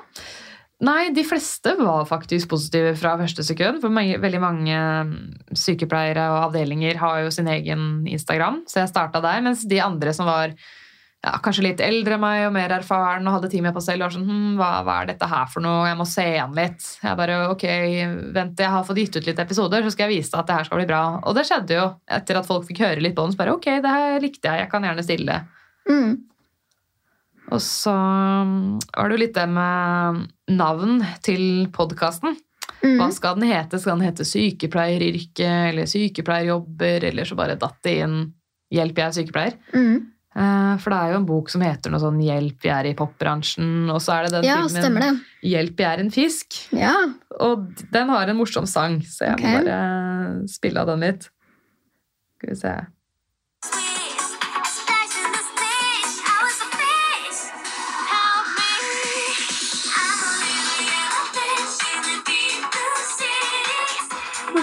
Somebody help me. Så det er er går- inspirasjonen kommer fra. Yes, fra Hjelp, jeg er en fisk. Det er en, eh, en tegnefilm, dansk faktisk, fra år eh, 2000. Tror den ligger på Viaplay, man kan se den i norsk, på norsk. Wow. Og, men denne kom du over da? Har du sett denne fra, som da du var barn? Ja, jeg har sett den da jeg var barn. Så Ah. det var en av de tingene som bare datt inn i hodet mitt. da Jeg skulle velge tittel. Jeg hadde jo også en sånn avstemningsrunde på Instagram, og det var den tittelen flest folk eh, stemte på. Så da Det det. Det visste jeg ikke. Har du fortalt det før? eh, Kanskje til noen her og der, men ikke, ikke i, jeg har ikke fortalt det i podkasten. Oh, premiere, folkens. Yes. Det er gøy. Um, men hva, hva er liksom formålet med podkasten? Hva er det du ønsker å oppnå ved å lage den? At folk skal få god informasjon om hva en sykepleier egentlig gjør, og hva sykepleier kan være, eh, versus hva man tror det er. Eh, For de som ikke er helsepersonell, eh, de tror jo kanskje at en sykepleier at det er veldig mye sånn rumpevask og bare gi ut noen piller, men det er veldig mye mer enn det. Eh, Man kan jo gjøre alt fra å styre en hjerte-lungemaskin til å da drive med stell av døende, ikke sant? Eller akuttsykepleie for nyfødte, og man kan hjelpe til med operasjoner, og det er psykisk helse og rus, og det er liksom Nesten alle aspekter av livet kan man jobbe med på en eller annen måte som sykepleier. Med Mm. arbeidshelse, og det er liksom Det er jo ingen ende her. Har du lært liksom noe nytt? Hva, fant du flere retninger av sykepleien enn det du visste om før du starta Ja, på den? virkelig. Jeg lærer så mye av den podden her selv, så kanskje den er nesten vel så mye for meg som for alle andre. Og det opplever jo jeg også med, med min podkast som handler om usynlige sykdommer. Da, at det er jo veldig mange sykdommer som jeg ikke visste at eksisterte. Som jeg lærer utrolig mye om, så det er jo veldig spennende. Men når du skal ha gjester, da, eh, hvor finner du dem? Og hvordan inviterer du dem inn? Altså, hvordan får man tak i alle disse folka? Ja, det er, det er mye Instagram, altså. Ja. Eh, Det er det. Jeg bare sender en, slider inn i DM-en til folk. Ja. det heter, og hei, jeg lager pod. Og, Ehm, og så har jeg jo lest mye artikler ikke sant, på sykepleien.no, så har det hendt at jeg da holdt på å creepe litt, søker opp disse navnene på Facebook og sender en melding og bare 'Hei, jeg leste den artikkelen om deg'.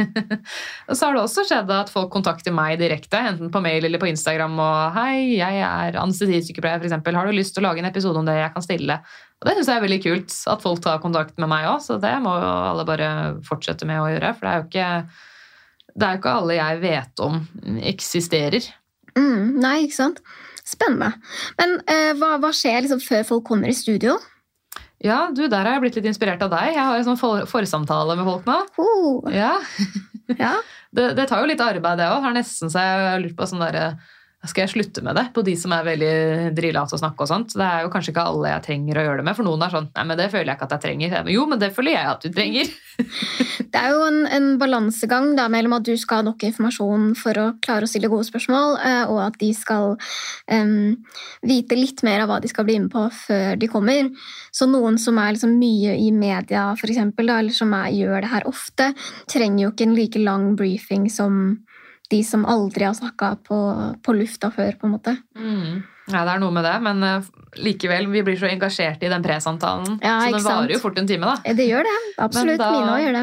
Da får man jo øvd seg litt på hvordan episoden skal bli, og jeg, hvis jeg ikke kjenner gjesten fra før, som det er i 80% av tilfellene, så får jeg et inntrykk av hvordan er denne personen, er det en person jeg må dra ordene ut av, eller er det en person jeg må begrense, for den prater så mye, ikke sant? Mm. Så jeg tror nok jeg skal fortsette med det litt til, og ha de presamtalene. Jeg kan heller prøve å korte de ned, kanskje. Ja, men da er det sånn, ok, du sender folk en, en DM eller en mail eller et Mhm. eller annet, og så sier de ja, jeg har lyst til å bli med, og så finner dere en dag hvor dere snakker sammen. Ja, Enten over da en kaffe, eller at vi bare tar det digitalt eller på telefonen.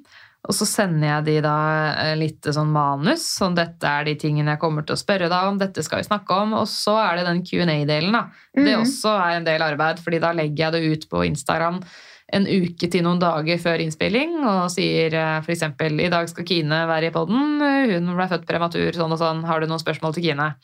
Så sender folk inn, og så samler jeg de opp, og så adder jeg det da til eh, dokumentet, eller manuset, og sender det til gjestene. Mm.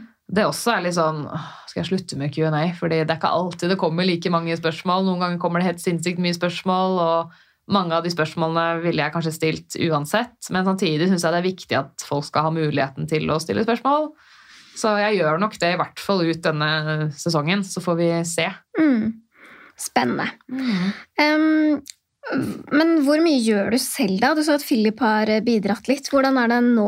Ja, nei, nå har ting snudd litt, fordi eh, Kubriks de måtte jo plutselig rive bygget. Og så var det flytting av studio. Hater når det skjer. Åh, og det var forferdelig, altså. Så det var jo plutselig tre måneder at jeg ikke hadde noe studio i det hele tatt etter eh, sesong én. Og de var jo først sånn ja, du skal få bli med til det nye studioet og sånt. Og så plutselig begynte de å ghoste meg. Jeg bare, hei, produsentghosting, det er ikke greit. Så da måtte jeg være veldig på bare hallo, nå må dere gi meg et svar. Får jeg bli med videre på lasset eller ikke? Da var det litt sånn ja, du skal for det, men da må du begynne å betale. Jeg bare oh no. Oh no, oh no. Jeg eh, har jo ikke tjent noe særlig penger på den poden jeg selv, så jeg kan jo ikke måte, begynne å gå i minus for noe Nei. Så da var det, sto man litt på egne bein, så jeg testa jo litt Deichmanske, ikke sant. Eh, Og når det først er ledig, det studio, og det fungerer, så er det jo bra. Men eh, hvis det er kjempevanskelig å finne en ledig dato, og hvis det det er så mange som bruker det, så funker ikke det tekniske, og jeg plutselig fikk ikke lyd ikke sant, når Olaug Bollestad var der, Mm. det var litt sånn å nei, jeg må, jeg må finne noe bedre. Ja. Så sendte jeg litt mails til forskjellige podkastprodusenter, bl.a. Moderne Media, og da fikk jeg napp, da. Mm. Eh, takk og lov. Så da trenger ikke Philip å gjøre så mye. Uh, jeg spiller inn her, uh, sånn som jeg gjør nå med deg. Og så sender hun produsenten meg råfylla. Jeg hører igjennom, og så skriver jeg bare i mail 'klipp der og der', legg inn jingle sånn og sånn. Så sender jeg klippebeskrivelsen til henne, og så fikser hun det for meg. Og nå har vi jo kommet til dekka bord. Nå kommer vi jo bare inn i et studio hvor all Mm. lyden og alle mikrofoner og alt er jo satt opp, og så er det bare å trykke record, og så går det av seg selv, stort sett. Ja, veldig deilig. For på Kubrik så måtte jeg ha med meg Philip. Han måtte sette opp alt for meg. Han måtte jo kanskje bli med på hele innspillinga. Mm. Så det var jo mye mer jobb før, men samtidig så hadde jeg enda mer frihet før. For da jeg kom ofte litt sånn seint på kvelden, og så kunne jeg bare være der så lenge jeg ville. Så det hendte det at jeg hadde med gjester og kanskje en flaske vin. ikke sant? Og vi, lagde, vi tok masse bilder og lagde forskjellige videosnutter, reels. Det var mye mer sånn liv og røre før, kanskje. Nå har jeg et litt tettere program, Mm. eh, men også mer effektivt, da. Ikke sant. Det er sant. Og så er det jo sånn at eh, jeg får jo ikke bruke Studio Het gratis her. De må jo få noe ut av det, de òg. Så da har vi landa på en sånn avtale hvor jeg kan ha annonser da, i poden. Så deler jeg jo moderne media på inntektene. Ikke sant. Em, ja, fordi Er det noe penger å tjene på podkast, da? Ja, litt. Altså nå, Det er først i år at jeg begynte å tjene litt penger, da. Men eh, det blir noen ekstra tusenlapper her og der. Mm. Men det er liksom ikke sånn 10 000 ekstra på en måned. Det er det ikke. Men noen tusenlapper her og der, det, det kommer jo godt med. Ikke sant? Så da måtte jeg jo lære meg alle disse kjedelige voksengreiene, da, med skatting og Ja, Hvordan syns du det er å drive et eh, enk, antar jeg, ved siden av, da? Ja, jeg måtte jo det. Lage et enkeltpersonsforetak. Det hadde jeg jo heldigvis gjort fra før. Eh, Jeg tenkte det var greit å ha hvis jeg skal bestille inn sånn kopper og sånt med logo, så jeg kan ta det på firma.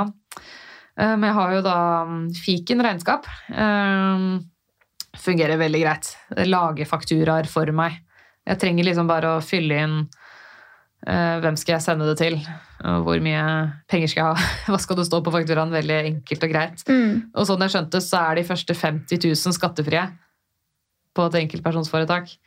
Eh, Men det er alltid lurt å sette av litt penger til en skattesmell likevel. Eh, Så fører jeg det inn på et Excel-ark, sånn at jeg har fullstendig oversikt, så jeg kan ta det inn på skattemeldingen. Eh, Der òg får jeg hjelp fra Philip. da, Herregud, så uselvstendig dame. Det er i hvert fall greit å få hjelp til man kan det selv. ja. Men um, syns du det er egentlig mest gøy, eller syns du det er mest stress? Fordi du jobber jo mye med denne podkasten. Gjør det. Tar mye tid. Det tar mye tid. eh, Natt og dag enkelte ganger. Det kan jo eh, jeg skrive under på, hvert fall, som også lager podkast. Mhm. Det er mye jobb. Det er veldig mye jobb. Uh, Mye mer jobb enn jeg trodde det var. Mm. En ting er på en måte klipping, eh, mens en annen ting er eh, planleggingen. da, Få tak i folk, eh, promotere det, ikke minst. Booke inn, lage Instagram-innhold. Mm. Men jeg syns det er mer gøy enn stress. Ja. Det syns jeg. Så så lenge det er mer gøy enn stress, og så lenge folk vil høre på denne podden, så fortsetter jeg å lage pod. Ja, så da planen videre er mer podkast. Ja. Det kommer en sesong til. Ja da, det gjør det. Ja, det er bra. Jeg slipper jo en gang i uka. Det er jo mye jobb, så jeg tenkte jo sånn Jeg må begynne å slippe annenhver uke, det er for mye, men nå har jeg liksom endelig begynt å tjene litt penger på det her. Ja. Og det går jo litt på antall avspillinger, så jeg kan på en måte ikke begynne å gjøre mindre nå når jeg er i en good flow. Nå må jeg bare keep it going, egentlig. Ja, og det er sånn, Jeg bytta jo til å ha annenhver uke etter første eller andre sesong. Og nå føler jeg at nå går det jo bra, fordi nå har jeg opprettholdt den intervallen så lenge. Men det tar ganske lang tid for folk å omstille seg når de er vant til å få det så ofte da, som hver Mm. uke. Ja, Man skjemmer bort folk litt, kanskje. Ja, men det er Imponerende innsats, da, syns jeg. Takk. Um, da Altså, er er det liksom Hva, hva um, Hva har du lyst til at folk skal ta med seg fra Hjelp jeg sykepleier eh, videre? Jeg vil at de skal ta med seg eh, breddekunnskapen om hvor mye en sykepleier kan gjøre. Eh, For en av de tingene som fikk meg til å lage podden, det var jo ikke bare det å Carrie på Sex and the City lager podkast, og det er så gøy ut. Det er Jeg kan jo nesten takke korona litt. For det blei så mye negativitet om sykepleieryrket da, og det var liksom som at alle sykepleiere er utbrent, og alle har det helt forferdelig, så vil jeg vise at nei, det er ikke sånn. Og hvis du har det så forferdelig på din jobb, se etter noe annet før du bare forlater hele yrket. Det var på en måte mitt hovedbudskap. Altså det jeg tror på, at eh, flere sykepleiere kan ha det dritt på jobben, at det er dårlig ledelse, dårlig betalt, dårlig bemanning, men det er ikke sånn alle steder. Jeg har jobbet en del forskjellige steder nå, i forskjellige byer, både kommunen og spesialisthelsetjenesten, og det er forskjell, altså. Mm. Da synes jeg det er viktig å vise fram til de gode arbeidsplassene som finnes, der man kan utvikle seg både faglig og personlig. At eh, Hva skal jeg si? Ja? Skipet har ikke seilt, da, selv om man kanskje slutter på en arbeidsplass. Man trenger ikke å se på det som noe nederlag. Og det synes jeg er kjempekult, fordi selv om jeg ikke er sykepleier, så tenker jeg ofte sånn når jeg ser at det kommer en ny episode, så er det sånn Oi, shit, det også fins! Det er jo veldig fascinerende og gøy å se at eh, det er så mange muligheter, og det tror jeg absolutt det bidrar til, da. Jeg tror dette er et av de yrkene der man har flest muligheter, faktisk. Spennende, spennende, spennende. Jeg gleder meg til å høre mer, jeg, da. Så bra.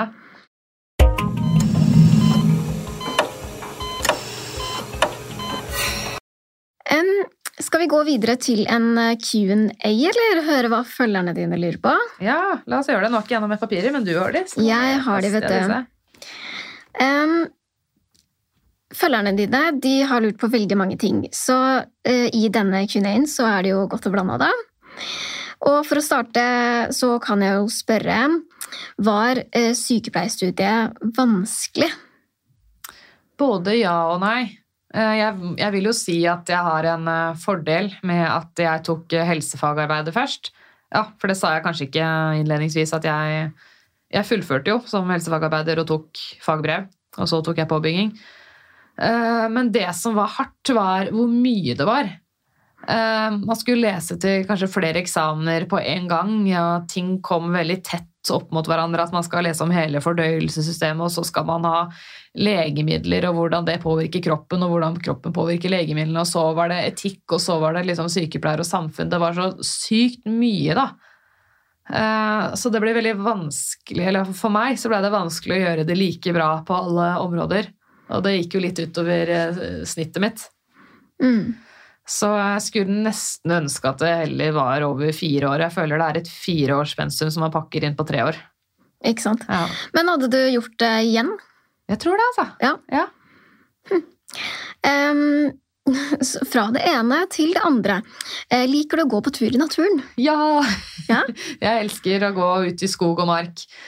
Eh, Litt kjipt at jeg føler liksom sånn der halve året så er det snø og vinter og sludd og is, og, så jeg får jo ikke gjort det like mye som jeg ønsker. Mm.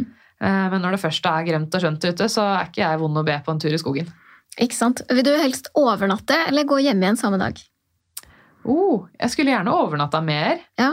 Eh, Jeg har jo til og med kjøpt meg et lite telt, for jeg har eh, tenkt at jeg må klare å sove ute aleine en natt. Ja. Jeg har ikke fått brukt det ennå, men det er, det er goal. Det har jeg også lyst til å få til, Ja. taktisk. Um, det er noen som lurer på hva vil du si til en nyutdanna sykepleier som vurderer å slutte som sykepleier fordi uh, det er for mye stress? Mm. Ikke gi opp med en gang, det kan jeg bare si. Jeg også syns det var veldig mye stress i starten, og det kan føles veldig overveldende. Kan det være for at alt er nytt òg, eller? Ja, absolutt. Det kan være flere ting. Det kan være ikke sant, alt er nytt. Du kommer rett fra skolebenken, plutselig har du alt ansvaret. Men det kan også hende du er på feil arbeidsplass. At det er et sted som er giftig for deg. At du helst skulle vært et annet sted. Så jeg tenker det er litt viktig å prøve å finne ut hva er grunnen til dette stresset. Er det fordi det er for mange arbeidsoppgaver? Er det dårlig bemanning? Har man ting på privaten som gjør det vanskeligere? Sliter man med søvn? Er det personlige ting? Hvis man klarer å finne ut litt hvor brodden sitter, så er det lettere å gjøre noe med det. Og så må man eh, tørre å spørre om hjelp. Hvis man har oppgaver oppe til ørene, prøv å delegere. Spør hei, har du litt ledig tid, jeg, jeg trenger hjelp nå. Det er ikke noe svakhet, det er mer en, en styrke. Og så er det jo det å finne ut av hvordan koble av fra jobben når man kommer hjem. Det er jo ikke lett. Eh, Men gjøre ting man liker da, når man har fri. Tørre å si nei til ekstravakter hvis du har for mye. Eller Tørre å sette deg selv eh, i fokus og prioritere deg selv når du ikke er på jobb. Alle de tingene tror jeg er kjempenyttig og kjempeviktig. Eh, også for å klare å sette noen sunne grenser for seg selv egentlig videre i hele arbeidslivet. Eh, fordi man skal holde ut i mange år, Man eh, og man skal stå i jobb. Mm, så det tror jeg er noen kjempegode tips. Ja, og Er man usikker på hvor man vil jobbe, hør på poden min. Her er det mye å velge mellom. Absolutt. absolutt. Em, det er noen som sier eh, at eh, du har så mye engasjement, og det tror jeg mange er veldig enig i. Um, hvor kommer det fra, og hva, hva driver det?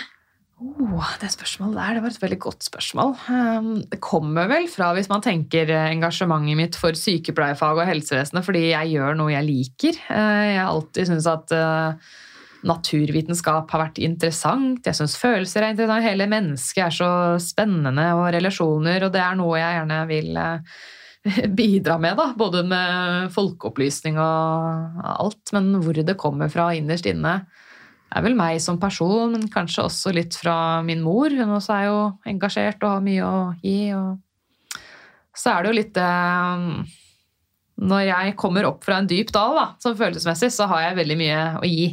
Og da vil jeg på en måte bruke det på noe positivt, og da bruker jeg det på, på podden, da. Har du hatt sånt engasjement for andre ting enn sykepleieryrket? Nei, egentlig ikke. Så det er veldig deilig å ha funnet sin greie. Ja, det er jo kjempebra. Ja, for jeg har jo liksom tenkt sånn «Ah, Hva er det jeg egentlig er god på? Ikke kan jeg synge, og ikke kan jeg tegne og male. Jeg har liksom ikke følt at jeg har hatt noen skills, da. Eh, Men så er det jo gøy å tenke at eh, jobben kan være noe man er god på, fordi sykepleieryrket det blir litt mer som en livsstil, faktisk.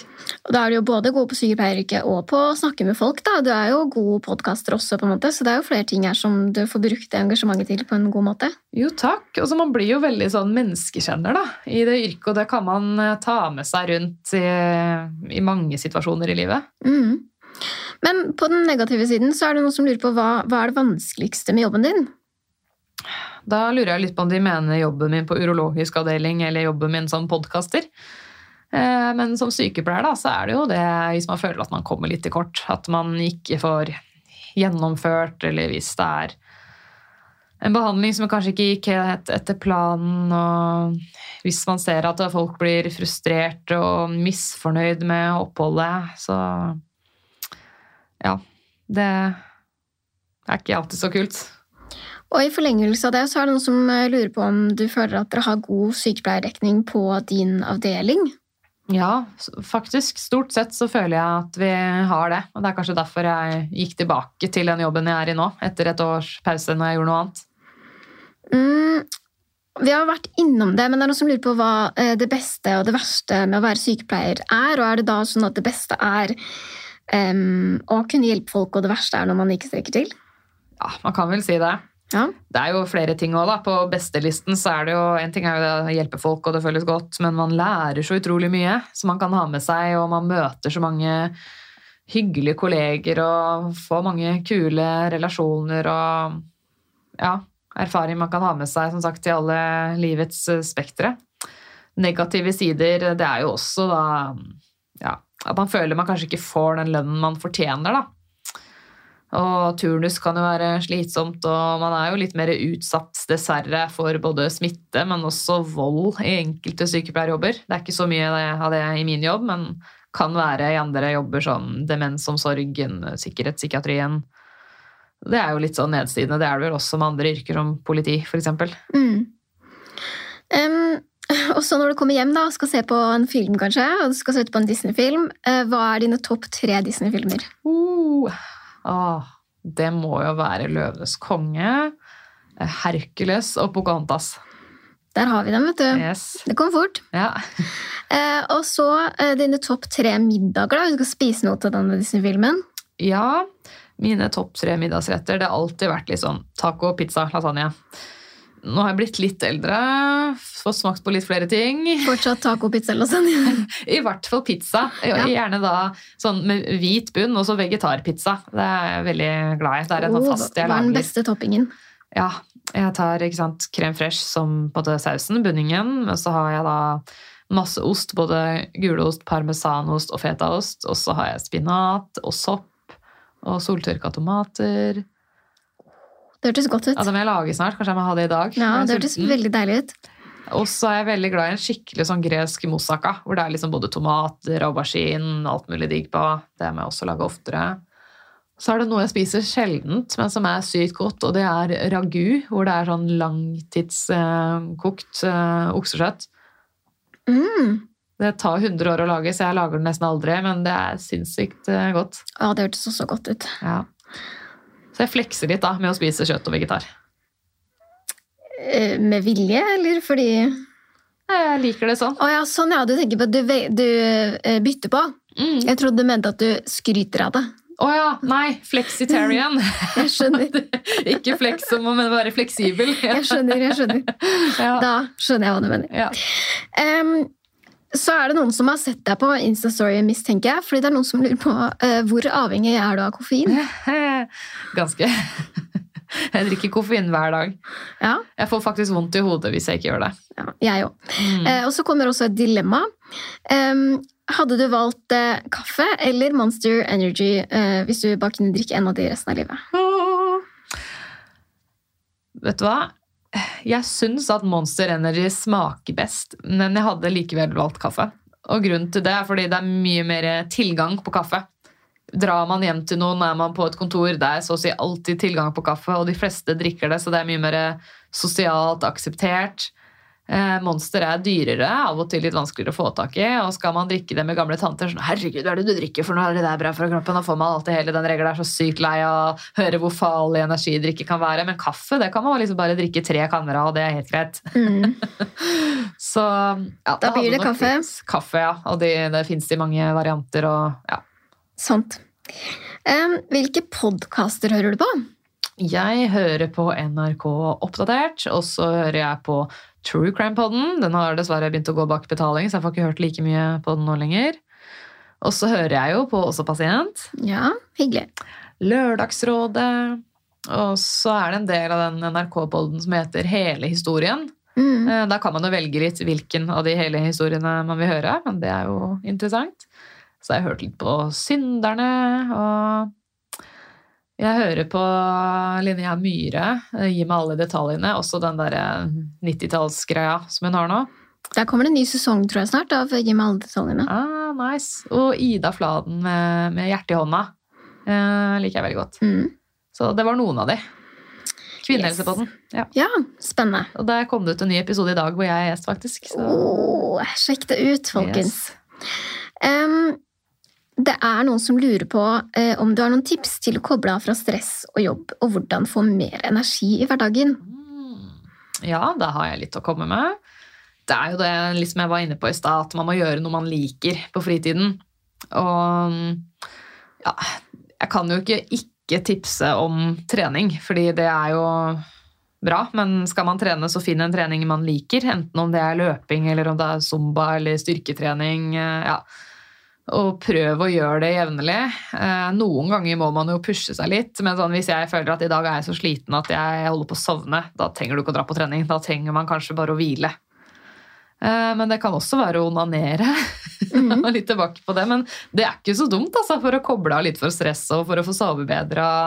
Det er det mye forskning som viser også, at det kan fungere vel så bra som en sovepille. faktisk. Og det å få en orgasme, det er, det er healing, altså.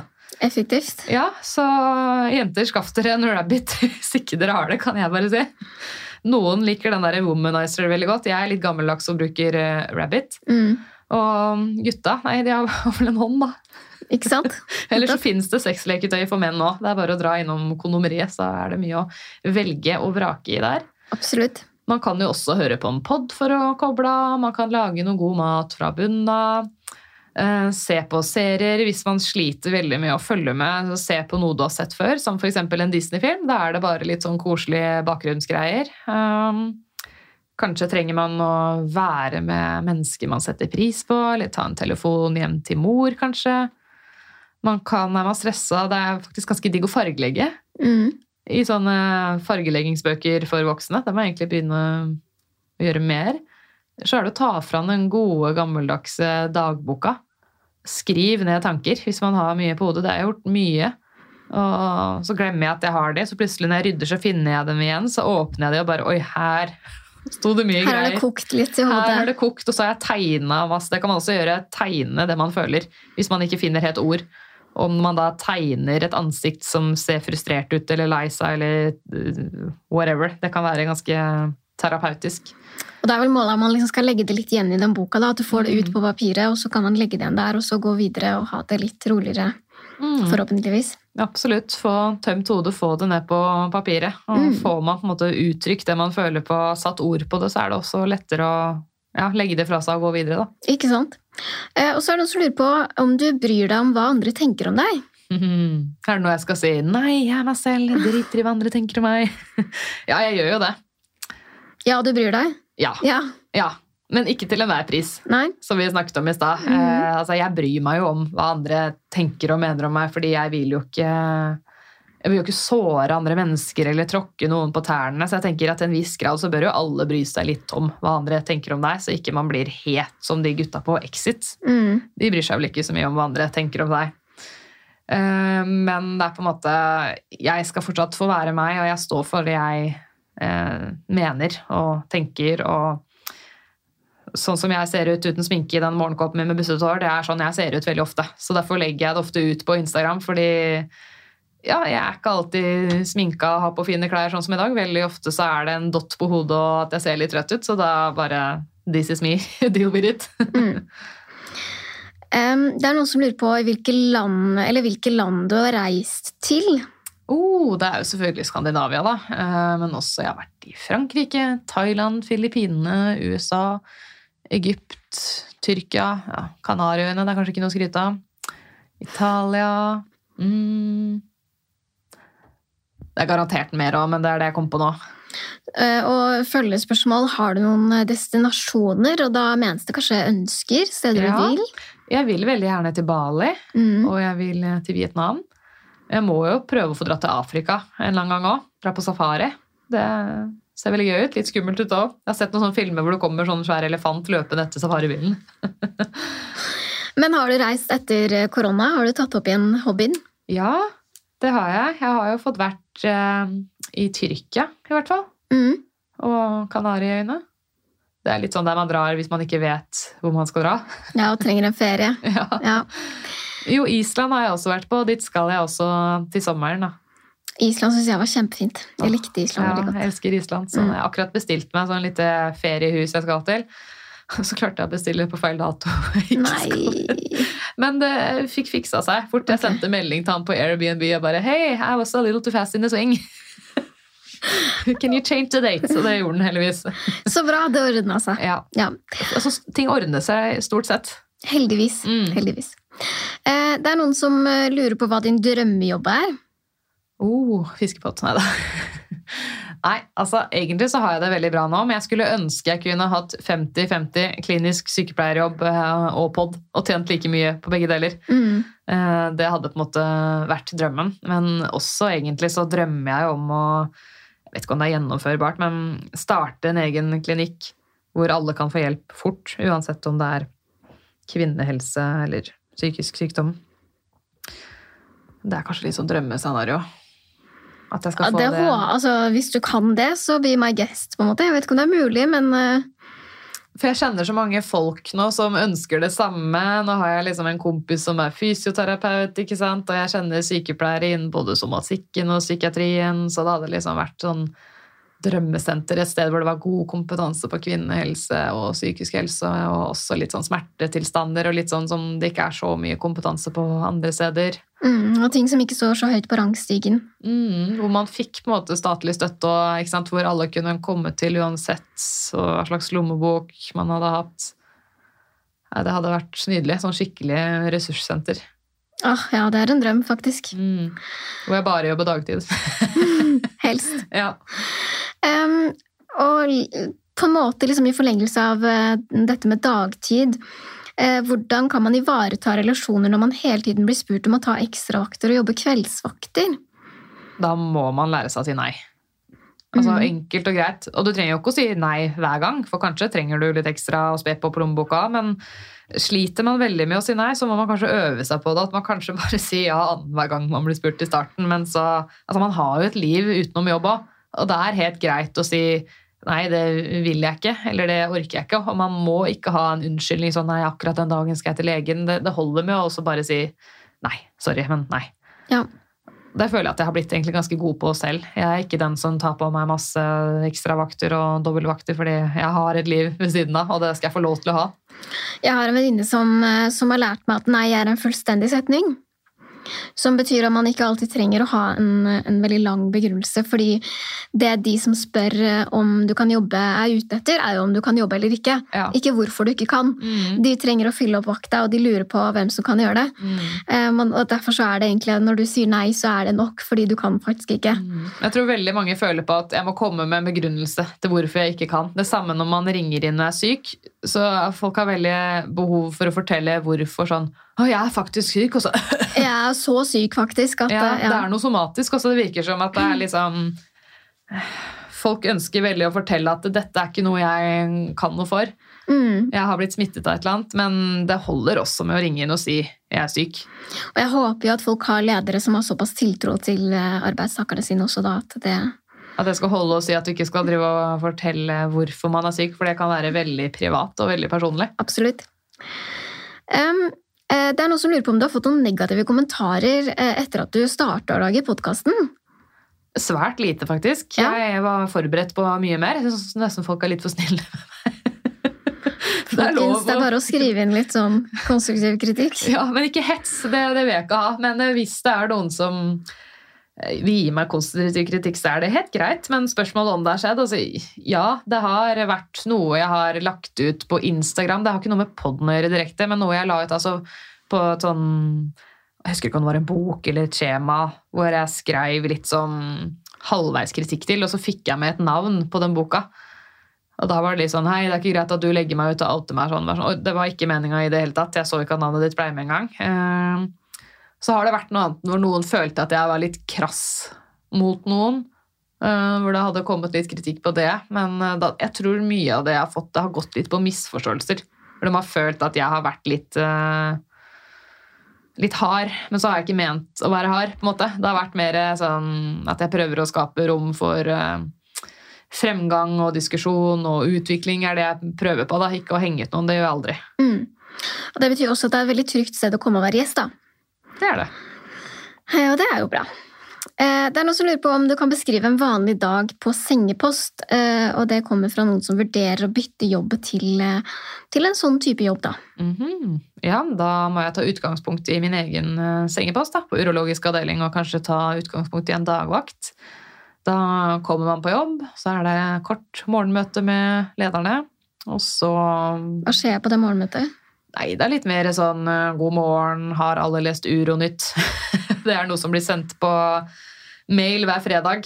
Eh, Da kan det være alt fra sånn husk å melde dere på faglunsj til eh, nå har den nye turnusen kommet, bare litt sånn der nyheter fra avdelingen. Veldig kort og enkelt. og spør ofte lederne sånn hvordan var det her i går, eller hvordan var det her i helgen, hvis man har møte på en mandag Mm. skal helst være unnagjort på fem minutter.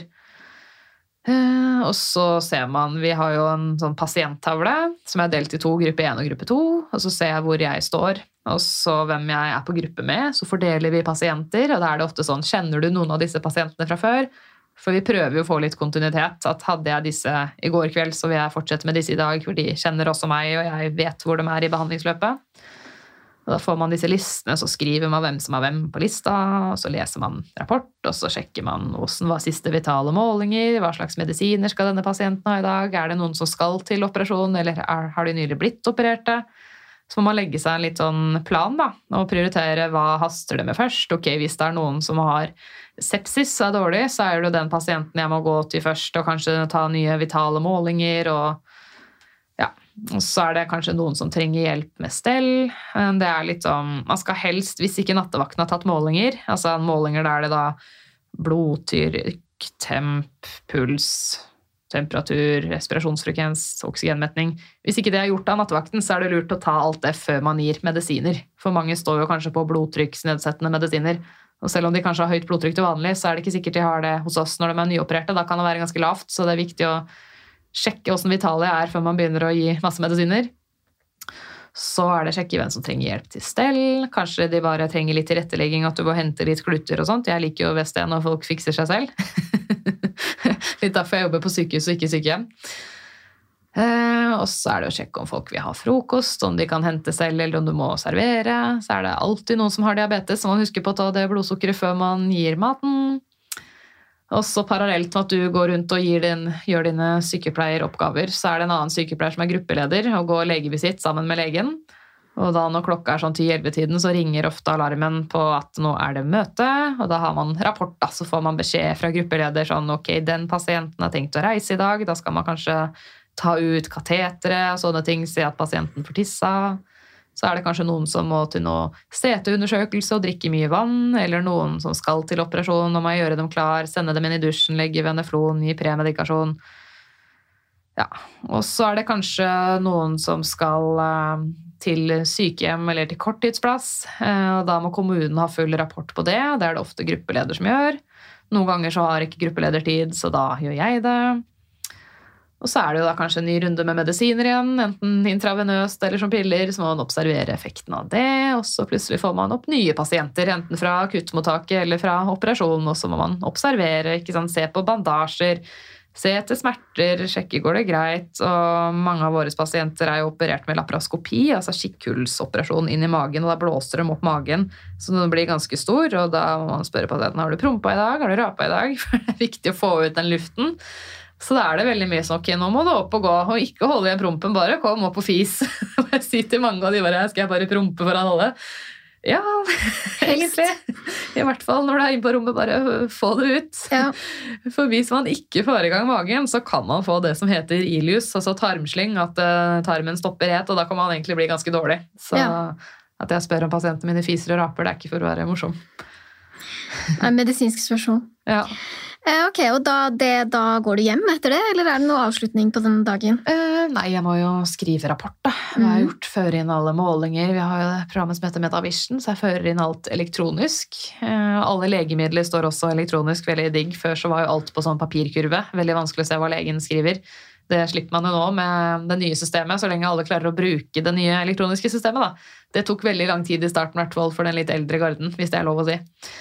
Eh, Men hvis man bruker Metavision riktig, så er det veldig fint eh, verktøy. Og så jo, en annen ting jeg gjør, er jo utreisesamtaler med pasienter eh, som skal reise hjem. Litt sånn, Hvordan skal man forholde seg videre nå? Noen reiser kanskje hjem med blærekateter, noen har kanskje agraffer, altså sånn stifter i magen og masse bandasjer. Hva skal man gjøre med det? Så gir jeg dem litt informasjon på det, og kanskje at de får nummeret til akuttmottaket hvis det skulle skje noe, så kan de ringe og få hjelp fort, da. Mm. Så det er vel sånn, det er jo alltids mye mer eller mindre man kan gjøre på sengepost, men det er jo vanlige ting, da. Spennende. Mm. Um, det er noen som lurer på hvordan du har fått til alt du har fått til. Har du noen strategier? Mm. Mye er jo random, da. Men jeg har jo også jobba for det. Innfallsmetoden? Ja. Jeg eh, må jo planlegge litt. Jeg må tenke litt hva er det jeg vil lage episoder om. Jeg må prøve å få tak i disse folkene. Prøve å sette av datoer. Et veldig viktig verktøy jeg har, er min Google-kalender som jeg har på mobilen. Der Mhm. står turnusen min, der står alle avtaler, der står alt. Hvis ikke jeg legger inn ting i kalenderen, så glemmer jeg det. På 1, 2, 3. Så det er superviktig. Um, Så en strategi er kalender. kalender, Ja. indeed. Eh, Noen bruker jo personlig almanakk, og det er greit, men du har kanskje ikke den med deg overalt. Men mobilen har du jo med overalt. Mm. Eh, Så lurt å, å få ned ting der. Eh, Sette på at det plinger, at du får et varsel òg, kanskje. Hvis du er litt distré og glemmer ting, sånn som meg. Mm. Um, ellers så er det jo å forholde seg litt til litt sånn faste spalter, uh, sånn som jeg har, da, med litt faste spørsmål og Q&A, så lytterne vet litt hva de går til, men samtidig prøve å ha litt variasjon. Så jeg prøver jo å variere litt med innholdet jeg lager, men jeg ser nå at det er veldig mye kirurgiske sengeposter og ingen medisinske, så jeg må få inn noen medisinske sengeposter snart. Mm. Og jeg må få inn mer rus og psykiatri, ser jeg. Men de er ikke så mye der ute på sosiale medier og legger ut alt de gjør. ikke sant? Det er litt mer lukka, så det er, jeg må jobbe litt hardere for å få tak i de, men eh, det skal jeg vel klare. Spennende, ja. Det håper jeg. Mm. Em, ja, så strategien er egentlig å gå etter innfallsmetoden og så prøve å strukturere det etter beste evne inn i kalenderen. da. Ja, egentlig. Eh, Ta, når jeg får plutselig en idé i hodet, så må jeg prøve å skrive den ned. Fordi Mm. ellers så kan jeg fort glemme det igjen. Men det går mye på planlegging, men også lage seg en rutine. sånn når jeg har fått tak i en gjest, så er det å holde den eh, presamtalen, og så spiller vi inn. Og så må jeg prøve da ganske fort, når jeg får den episoden tilbake igjen, at jeg hører på den, lager klippebeskrivelse, sender episodebeskrivelse, husker coverbildet. Ja. Så legger en, eh, produsenten det klart, da. Eh, Så planlegging, planlegging, planlegging, egentlig. Em, så er det noen som sier eh, Som egentlig lurer på om du tjener penger på podkasten, og det, det har vi jo svart på, men uh, det fortjener du, er oppfølgingen. Så Ja, det var det er litt hyggelig. da. Ja, jeg tjener litt, men ikke noe sånn at jeg kunne levd på det. Er man kjendis, så kan man leve på det, for da har man veldig mange flere lyttertall. Mm. Em, og det har vi jo ikke egentlig snakka om, men er det noe du har lyst til å si noe om? Lyttertallene? Jeg tror jeg har sånn ca. 2000 faste lyttere. Ja. Eh, Litt sånn pluss-minus. Noen episoder har kanskje 800 avspillinger, mens andre har 3000. Mm.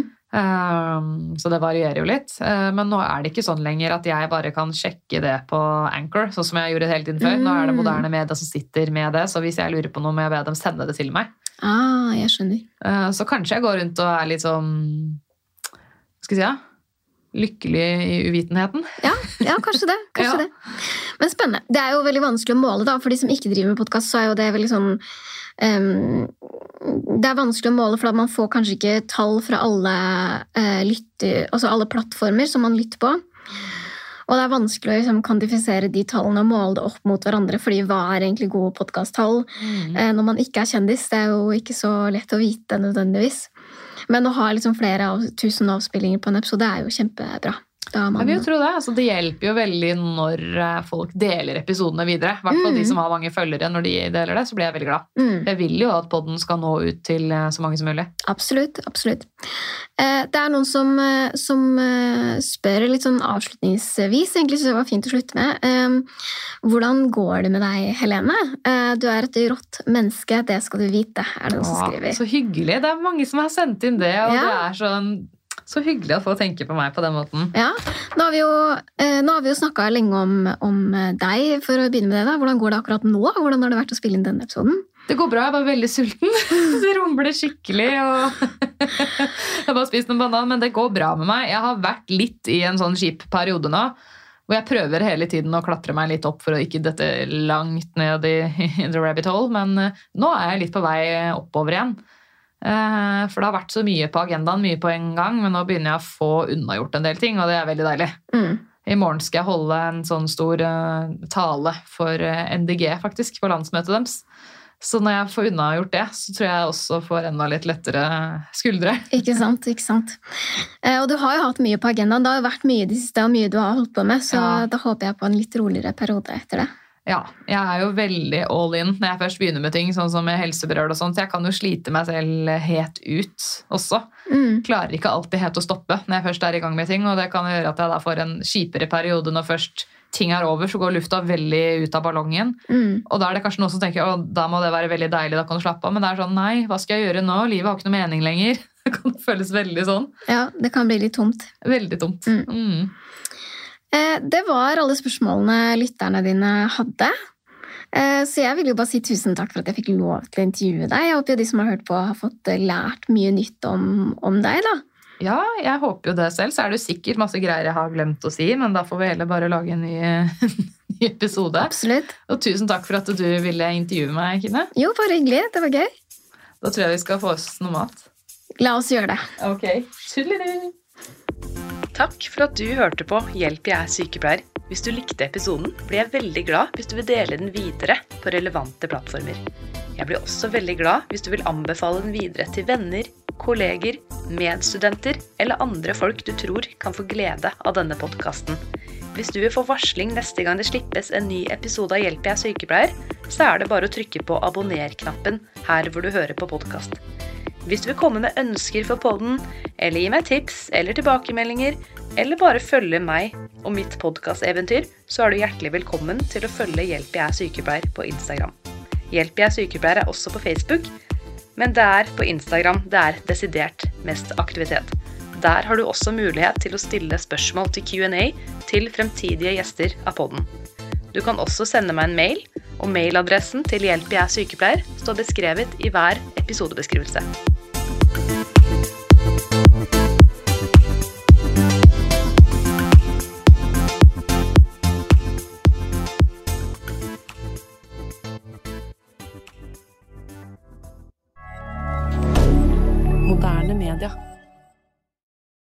Har du et enkeltpersonforetak eller en liten bedrift? Da er du sikkert lei av å høre meg snakke om hvor enkelt det er med kvitteringer og bilag i fiken, så vi eh, gir oss her, vi. Fordi vi liker enkelt. Fiken superenkelt regnskap.